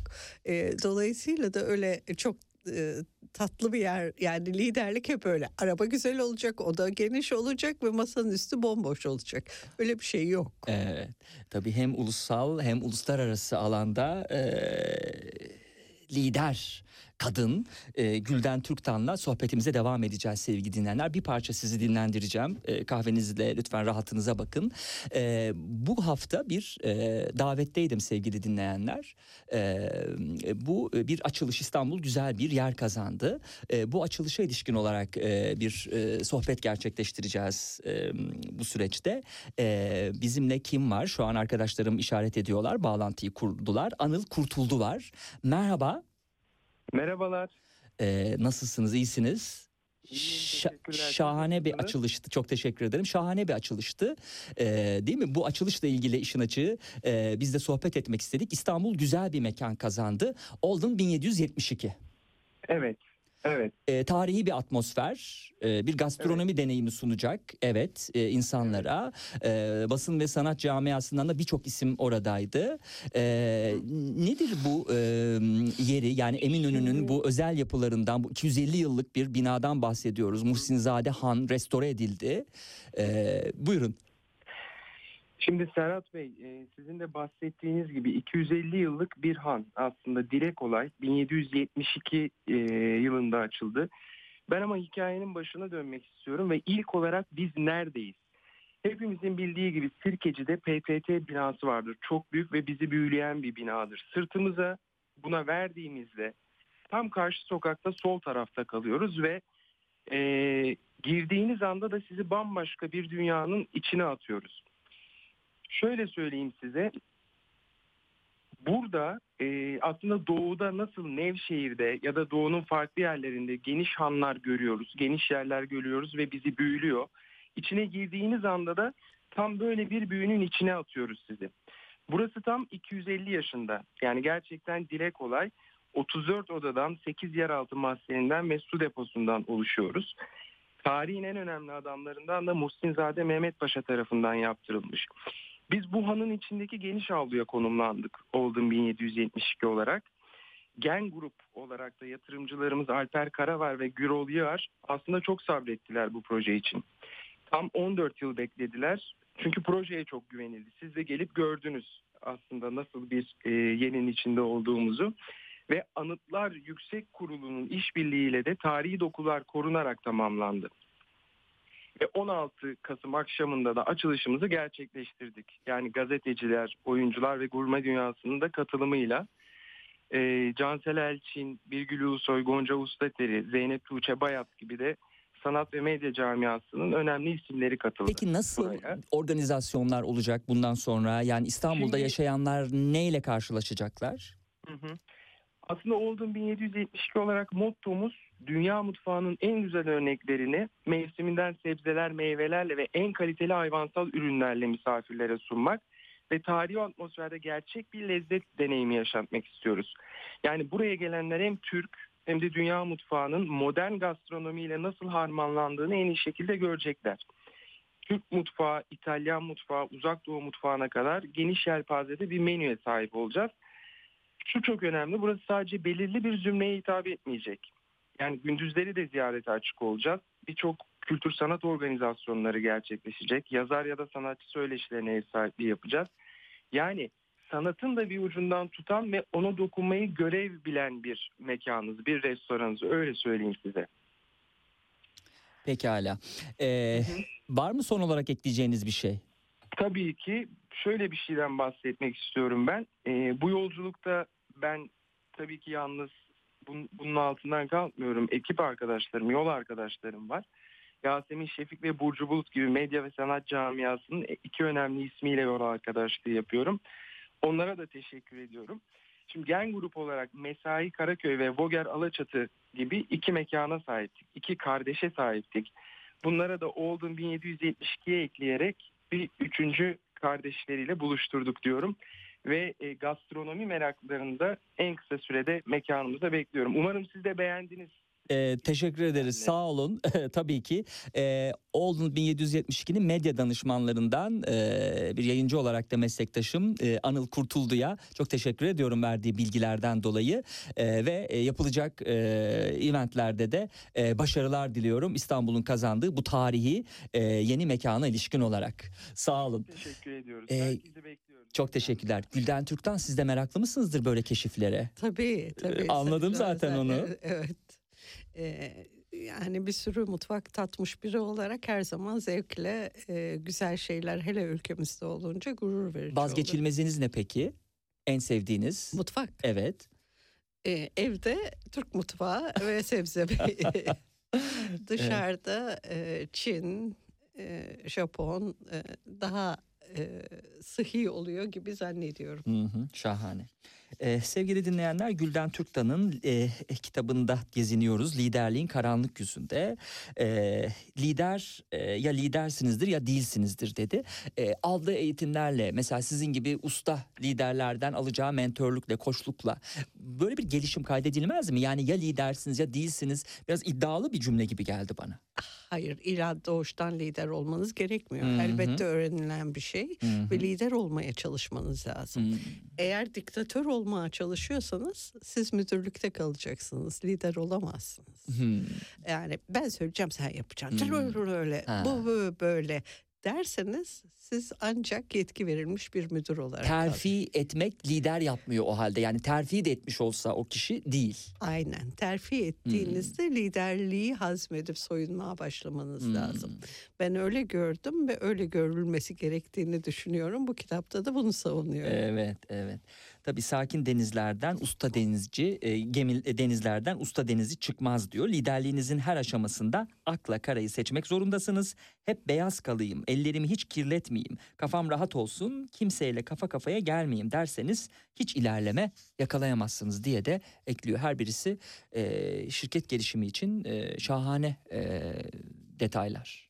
Şart yani biraz cesaret edeceksiniz, biraz risk alacaksınız. Ben bu masada şu işleri yapıyordum, yarın bir başka işler yapayım diyeceksiniz. E bu da risktir. Hep aynı işleri yaparsanız çok net kariyerimde paralelinde yaşadığım bir arkadaş. Ben hep saç baş dağınık, çalıştım. E, fabrikaya gittim. E, güzelim ayakkabılar çamur içinde kaldı. Çünkü su basmış, şu olmuş, bu olmuş. Normalde çamur içinde bir fabrikamız yoktu. Çok güzeldi ama e, insan hali yani bir de binadan binaya giderken e, şu bu. Geldim e, ayakkabılarımı ofiste ne yapacağımı bilemedim. E, şimdi ofiste yan yak dolaşıp kapıyı kapatmak e, biri gelecek kapıyı kapatmanın da bir manası yok. Nihayet bu e, aynı seviyedeki arkadaşım geldi. Hmm. Bir de yağmur yemiş saçım tabii. Bu ne hal dedi. Saçını süpürge ediyorsun ayakkabılarına da bakamıyorsun. Ama kendisi takım jilet jilet. Hmm. Demin dediğim gibi masanın üstü de jilet. Hiçbir kağıt yok. Hmm. Ben de kağıtlar ben perişan ama öyle oluyor başarı. Hmm. Sonra onun kutu küçüldü, benim kutu büyüdü. Ha. Sana şu görevi de verelim, onu becerdin. Sana bu Evet. görevi de verelim, sana bu Evet. görevi de verelim. O ise kollar masaya sürünmeden gıcır gıcır yaşadığı için kutu iptal edildi sonunda. Evet, evet tam da onu da soracaktım. Mesela bazen de yukarıdan bir haber gelir kutu kapandı denir Evet. değil mi? Hiç- uluslararası şirket. Şirketlerde evet bir maille kutu kapanır. Hani e, önce hani sizin kutunuzun kapanması değil de mesela sizin çok güvendiğiniz görev verdiğiniz birinin kutusunun kapanmasıyla karşı karşıya kalırsa e, Gülden Türk'ten ne cevap e, verirdi ya da verir? Çok yaşadık, çok Hı hı. yaşadık. Yani en önemli departmanımız, Hı. en ümit vaat eden Hı hı. departmanımız satılıverdi. Bitti, Hı. gitti, yok. Hı hı. E, Ciro'daki düşüş, e, onun gönderilmesiyle ilgili çalışmalar yani e, divestiture dediğimiz şirketten ayrılma çalışmaları e, yani moral bozan e, cironuz kayboluyor. Yani yıllarca çalışıyorsunuz ciroyu biraz daha arttırmak biraz daha arttırmak için tam arttırıyorsunuz tam güzel bir yerde. Merkez diyor ki biz o iş kolundan çıkıyoruz. O Hmm. iş kolunu da şu beylere sattık. Hmm. E, eli belinde bir takım beyler geliyor. Biz Hmm. aldık burayı. Hı hı hı. Nereleri bizim şimdi sen bir göster Hmm. bakalım. İşte, e, kasap dükkanına girmiş gibi. ve Evet. sevdiğiniz yöneticiler Hmm. gidiyor, beğendiğiniz ciro gidiyor ve yeni gelenler de hani hiç dostça yaklaşmıyor. Biz aldık artık burayı. Hmm, "A, Çekilin bakalım Hmm, buradan hmm, diye. hmm, hmm. E, çok acıklı işler. Bu da tabii hastalıklı bir ürünün şeyi değil mi? Yani satın aldığın, beğendiğin bir şey aslında o kişilerle var orayı vaat eden ve sen aslında orayı aldığına göre e, devam ettiriyor olman lazım. Yani hani biraz e, şey varsa, hani vizyon varsa ama değil mi? Öyle bir yaklaşım içerisine girmek de aslında hastalıklı bir zihnin ürünü herhalde. Evet. İş hayatını seviyorum çünkü rekabet var diyor. Yani e, hem diğer firmalarla rekabet ama biraz önce bir şey yakaladık. Diğer denk olan kişilerle de rekabet. Çünkü kutular büyüyor, organizasyon büyüyor bir taraftan. Çok boyutlu bir rekabetten bahsediyoruz. Korkmaz mısınız peki mesela iş işin büyümesinden, size daha az zaman kalacak olmasından dolayı yani o organizasyon, o kutunun büyümesi sizi korkutmaz mı? Ee, şimdi bu kitapta da var. Hı hı. Bir departmanı asla almak istemedim. Ben ben böyle Hı hı. bir sorumluluk istemiyorum. İş ve hayat dengesi diye bir şey var. Hı hı. İş ve hayat dengesinde e, akşam güzel bir yemeğe gitmek yerine oturup rapor yazmak e, hiç kimsenin istediği bir şey değil. Hı hı. E, dolayısıyla çok da savaştım yani benim kutu yeterince büyük artık büyümesin diye. Hı. Ama bazı şeylerin önüne geçemiyorsunuz ve kabul etmek durumunda kalıyorsunuz. O da güzel bir şey olduğunu idrak ediyorsunuz zamanla. Ee, ama her şeyin e, en dengelisi en güzeli. Evet. Şimdi sizin e, böyle iş e, deneyimlerinizden, kitapta dolan hikayelerden de dinlemek isteriz aslında. Hani belki benim seçtiğim hikaye dışında başka bir şey seçebilirsiniz. O insan kaynakları mesela e, yöneticisi olarak böyle kapınızı çalan e, şeyden hikayeden bahsedebiliriz. Yahut ne isterseniz e, aktarmak istediğiniz bir hikaye olursa mesela ders çıkartacak da yönü var tabii kitaptaki hikayelerin. Çünkü liderliği konuşuyoruz. E, öncelikle ben şey yapayım isterseniz başlayayım. buyurun. Oradan devam Hangisiniz? edebilirsiniz. Başka bir şey seçebilirsiniz. Tamamen size bırakıyorum. Ee, bir gün Gülden Türktan'ın kapısı çalınır. Üst düzey yönetici. Ee, bir başka bölümün müdürü gelir. E, acaba satın alma bölümünde bir, bir yerde satın alma değil başka bir yerde sahada olması gereken bir e, görevli bir müdür bir bölüm müdürü e, insan kaynaklarının bölüm müdürü olarak e, çalışmak istiyorum diye kapısını çalar. Demek ki o dönem insan kaynakları da Gülden Türktan'a bağlı. E, ve tabii oradaki derin analizleri yani yetkinlikleri uygun mu değil mi? E, yani hemen çalışana e, belki hani siz olsanız sevgili dinleyenler atlarsınız alabilirsiniz. Ama şirket dengeleri nasıl etkileyecek? Niye kalkmış gelmiş? Bir de enteresan bir e, bakışla e, Gülden Türktan'ın da kalbini çalmaya çalışıyor. Ne diyor orada? Bir erkek yöneticiden emir almak istemiyorum bir kadın yöneticiye bağlı çalışmak istiyorum diye ki aslında analizi şu Gülden Türktan'ın aslında kadın yöneticiye de bağlı çalışmak istemiyor. Parmağında oynatırım diye düşünerek e, kapıyı çalmış ve e, 13 yıl nasıl kendini survive ettiyse şirkette yine aynı şekilde bir sürede e, kapalı kapılar ardında belki çalışarak ya da öyle e, çok da aktif çalışmayarak hayatını sürdürecek. Ama e, karşısında kurt bir yönetici var. Bir dakika diyor. Aynen öyle. Çok güzel okumuşsunuz. Benden güzel anlatıyorsunuz. Estağfurullah. Ee, aynen öyle. Şimdi kapınızı her çalanın e, doğru söylediğine inanmamak zorundasınız bir lider olarak. Ee, ben bugüne kadar hani insan kaynaklarında bir boşluk var. Tamam birini arıyoruz tamam ama e, zaten normal olarak şirket içine bakmaz mısınız? İnsan kaynaklarının e, yetkinliğe sahip bir yer olmadığını düşünmüyor bir kere. Birinci e, konu oradan bozuldu. Ben mühendisim geçer insan kaynaklarında da otururum dert değil. Yapıveririm ben orayı diye düşünüyor. İşi hafife alma var yani bir kere her şeyden önce. Evet, işi hafife almak. Yani size deseniz e, desem siz mühendissiniz e, veya hukukçusunuz ama şunu yapın desem ne yapmalıyım diye sormanız lazım. Yani oraya giderken ben orada çalışmamışım, oranın yetkinliğine sahip değilim. Yapabilir miyim, gidebilir miyim diye sormanız lazım. E, bir oradan başlıyor. Bir de kadın yöneticiyle çalışmak istiyorum derken aslında azımsıyor. Kadın yönetici dediğin ne parmağımla Hmm. oynatırım Evet. demek istiyor. Ama kendi dengesiz. Yani bunu da e, zaten e, 10 dakika içinde görüyorsunuz. E, ve koridordan arkadaşlar fırlıyor. Aman almadınız değil mi diye. ben, ben de tanımamışım yani. Evet. Hiç tanımadığım bir yönetici. Evet. Gelip bir gün e, e, şirketin kalbi sayılacak bir yere e, müdür olmaya çalışıyor. Yapmadık tabii. Ama bu cesarette e, inanılır gibi değil. Bu hikayeyi ben başlattım. Başka bir hikaye varsa da size bırakıyorum ama ben e, ders niteliğindeki sonuçları e, aktaracağım kitaptan sevgili dinleyenler size konuğum bunu düşünürken. Odanızın bir, odanızın kapısını her çalana ve duymak istediklerinizi söyleyip sizi pohpohlayanlara pek güvenmeyin. Altında mutlaka bir başka hikaye vardır. İki, proaktif liderler alışıldık anlamda iyi birer dinleyici değildir sadece söylenenleri değil daha fazlasını duyarlar. Aşırı dinlerler. Ortaya çıkma ihtimali olan şeyin fısıltılarına kulak kabartın ve söylenenlerin, yazılanların satır aralarını okumayı öğrenin. 3. Bir lider olarak birinin eksik yanlarına ya da yetersizliklerine odaklanırken kışkırtıcı olmayın ama şirketinizde ilerlemeyi engelleyen insanlardan kurtulmayı da bilin denilmiş. Evet e, yani muhafazakar mı deniyor acaba hani böyle e, şirk- e, çalışana her koşulda tahammül eden emekliliğini bekleyen e, bir yapı değil. Kurtulmak gerektiği zaman da onu kesip atmayı bilmesi lazım tabii şirketin. Onu sırtında taşımaması lazım değil mi? Bunu yapan şirketler de var bu arada ama tam tersine. E, Şimdi bu kaçınılmaz. Siz burada atıyorum 10 12 sene çalıştınız e, ve o kutuyu ziyadesiyle dolduruyorsunuz. Dolayısıyla gidip onu atalım çok akıllıca bir şey değil. Eğer şirkete zarar veriyor ve söyleneni dinlemiyor, hedefleri takip etmiyorsa atacaksın. Yani şirkete zarar veriyor mu yoksa bir kutuyu mu dolduruyor? Herkesin e, aklının içine girmeniz mümkün değil. Herkesin heveslerini bilmeniz mümkün değil. Belki ailevi problemi var, belki hobileri var.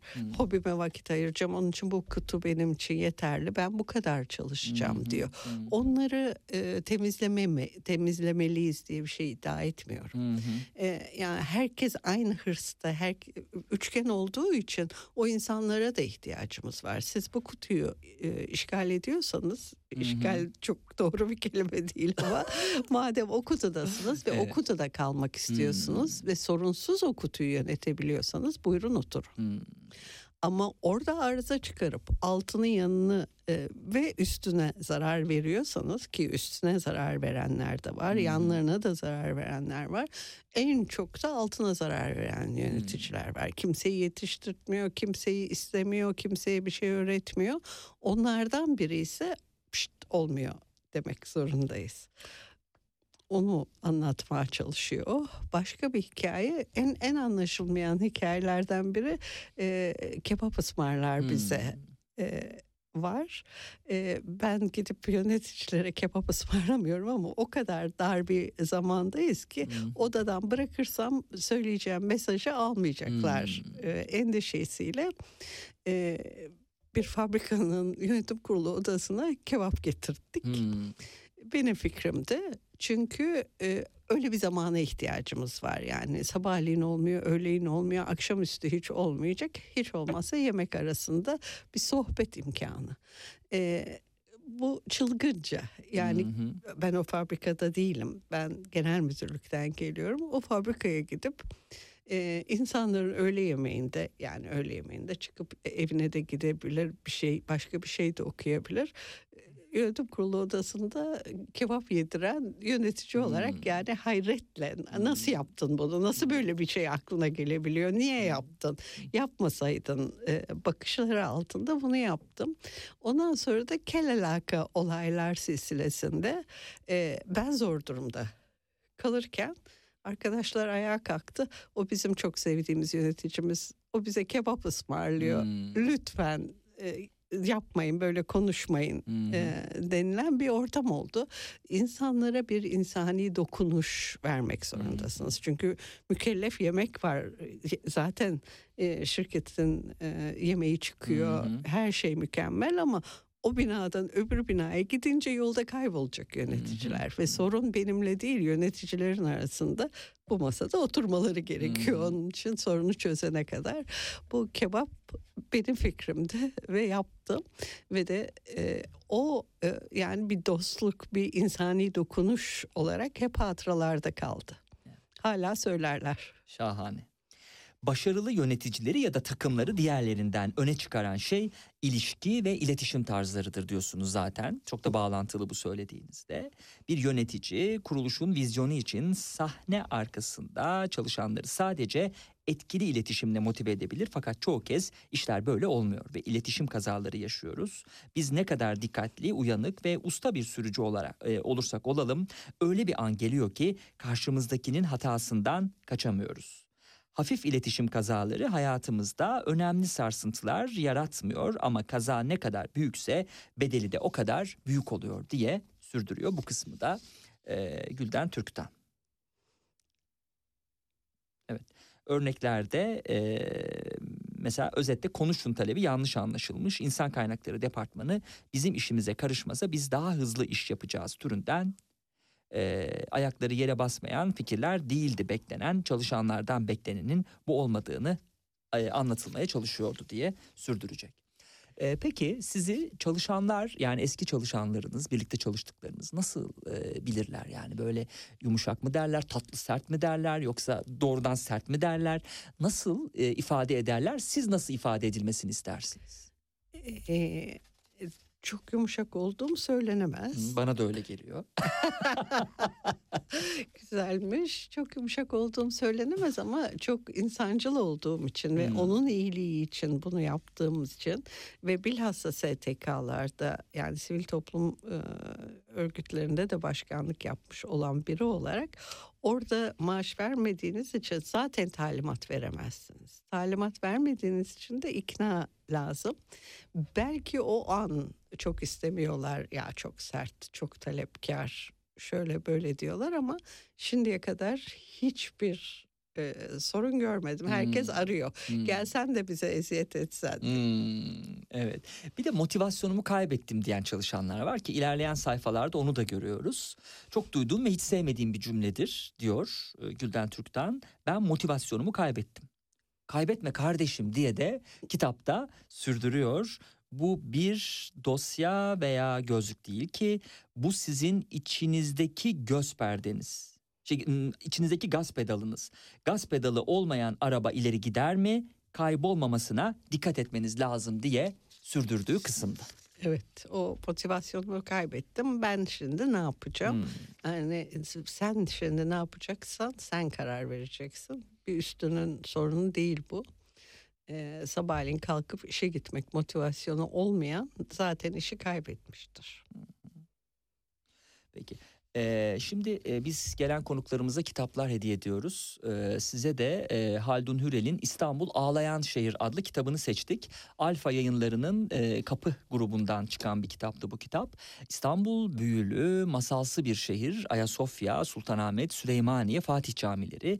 Semtlerden semtlere değişen iklim güzelliği. Galata Kulesi, Kız Kulesi, Üsküdar, Çengelköy, İstinye, Kanlıca, Kalamış şiirlerde, şarkılarda, kitaplarda, hatıralarda kalmış eski İstanbul. Şimdi kaotik bir metropol, gittikçe kendi dengesini yitiren bir dev. İşte bu kitapta da eski İstanbul'a ait pek çok renkle, ahenkle, sesle, motifle, desenle, dekorla karşılaşacağınızın taahhüdünü vermiş. Şöyle size Süper. doğru ittireyim kitabı. Çok teşekkürler.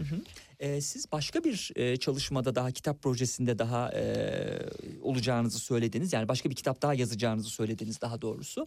E, ondan biraz Yayıncıma- bahsedelim mi? Yayıncıma söylemeyin. Sürpriz onun Stres için de. başlar. Öyle mi? E, yazmak istiyorum. Bir Hı hı. tane e, akıl sağlığı yani yöneticilikte veya hayatta akıl sağlığı konusunda bir tane de bunun daha devamı Hmm, olan kitap var. kitap projem var. Evet. 10 yaşınızdayken birisi size büyüdüğünüzde ne olmak istediğinizi sorduğunda vereceğiniz yanıtları düşünün diyor Gülden Türk'ten. Her şey imkan dahilindeydi. Astronot, itfaiyeci, doktor, tiyatrocu. Sizi gerçekten mutlu edeceğine inandığınız şeyi söylüyordunuz. Sınır yoktu. Fakat paylaşmayı, uzlaştırmayı ve komplike düşünmeyi küçüklüğünden beri öğrenmiş. Bunu bir tarz olarak benimsemiş kadınların ekonomiye aktif katılımı maalesef tüm dünyada sınırlı kaldı diye e, tespitte bulunuyor. Nitekim zaten şimdi yapmış olduğu bütün e, o projelerde e, de Gülden Türk'ten aslında tam olarak bu motivasyonla çalışıyor anladığımız kadarıyla, gözlemlediğimiz kadarıyla. Sayısız araştırma kadınların tabiatları gereği korunmaya ve özel ilgiye muhtaç olduğu fikrine dayanarak e, kadını savunmak üzerine inşa edilen iyimser cinsiyetçiliğin sinsi etkilerine işaret ediyor. Kadınların çalışma yaşamı konusunda bir şeyler söylerken Facebook'un CEO'su Shirley Sandberg'in Sınırlarını Zorla kitabını hatırlamadan olmaz diye söyleyecektir. Var mı buraya ekleyeceğiniz bir şey? Ee, Shirley Sandberg'den. Shirley evet. Sandberg Hı hı. e, şu anda CEO ve o zamanlar e, bu kitabı yazdı. E, biz ben o zamanlar bu kitabı okudum. Fakat çok e, da dikkat etmedim ama Hmm. kitabı yazarken birdenbire e, aklıma Aklınıza geldi ki- geldi. ki Hmm. aynı şeyi söylüyoruz. Yani hı. e, iyi bir yöneticinin, iyi bir iş insanının kadını da içeri alması, kadını da e, dahil etmesi lazım hayata. O, o noktada e, aynı şeyi söylediğimizi söylüyor. Hı hı. Ee, zor insanlar ve Evet. çözüm anahtarları değil mi? Evet. Son olarak ondan bahsedelim. Nasıl Tamam. baş edilecek?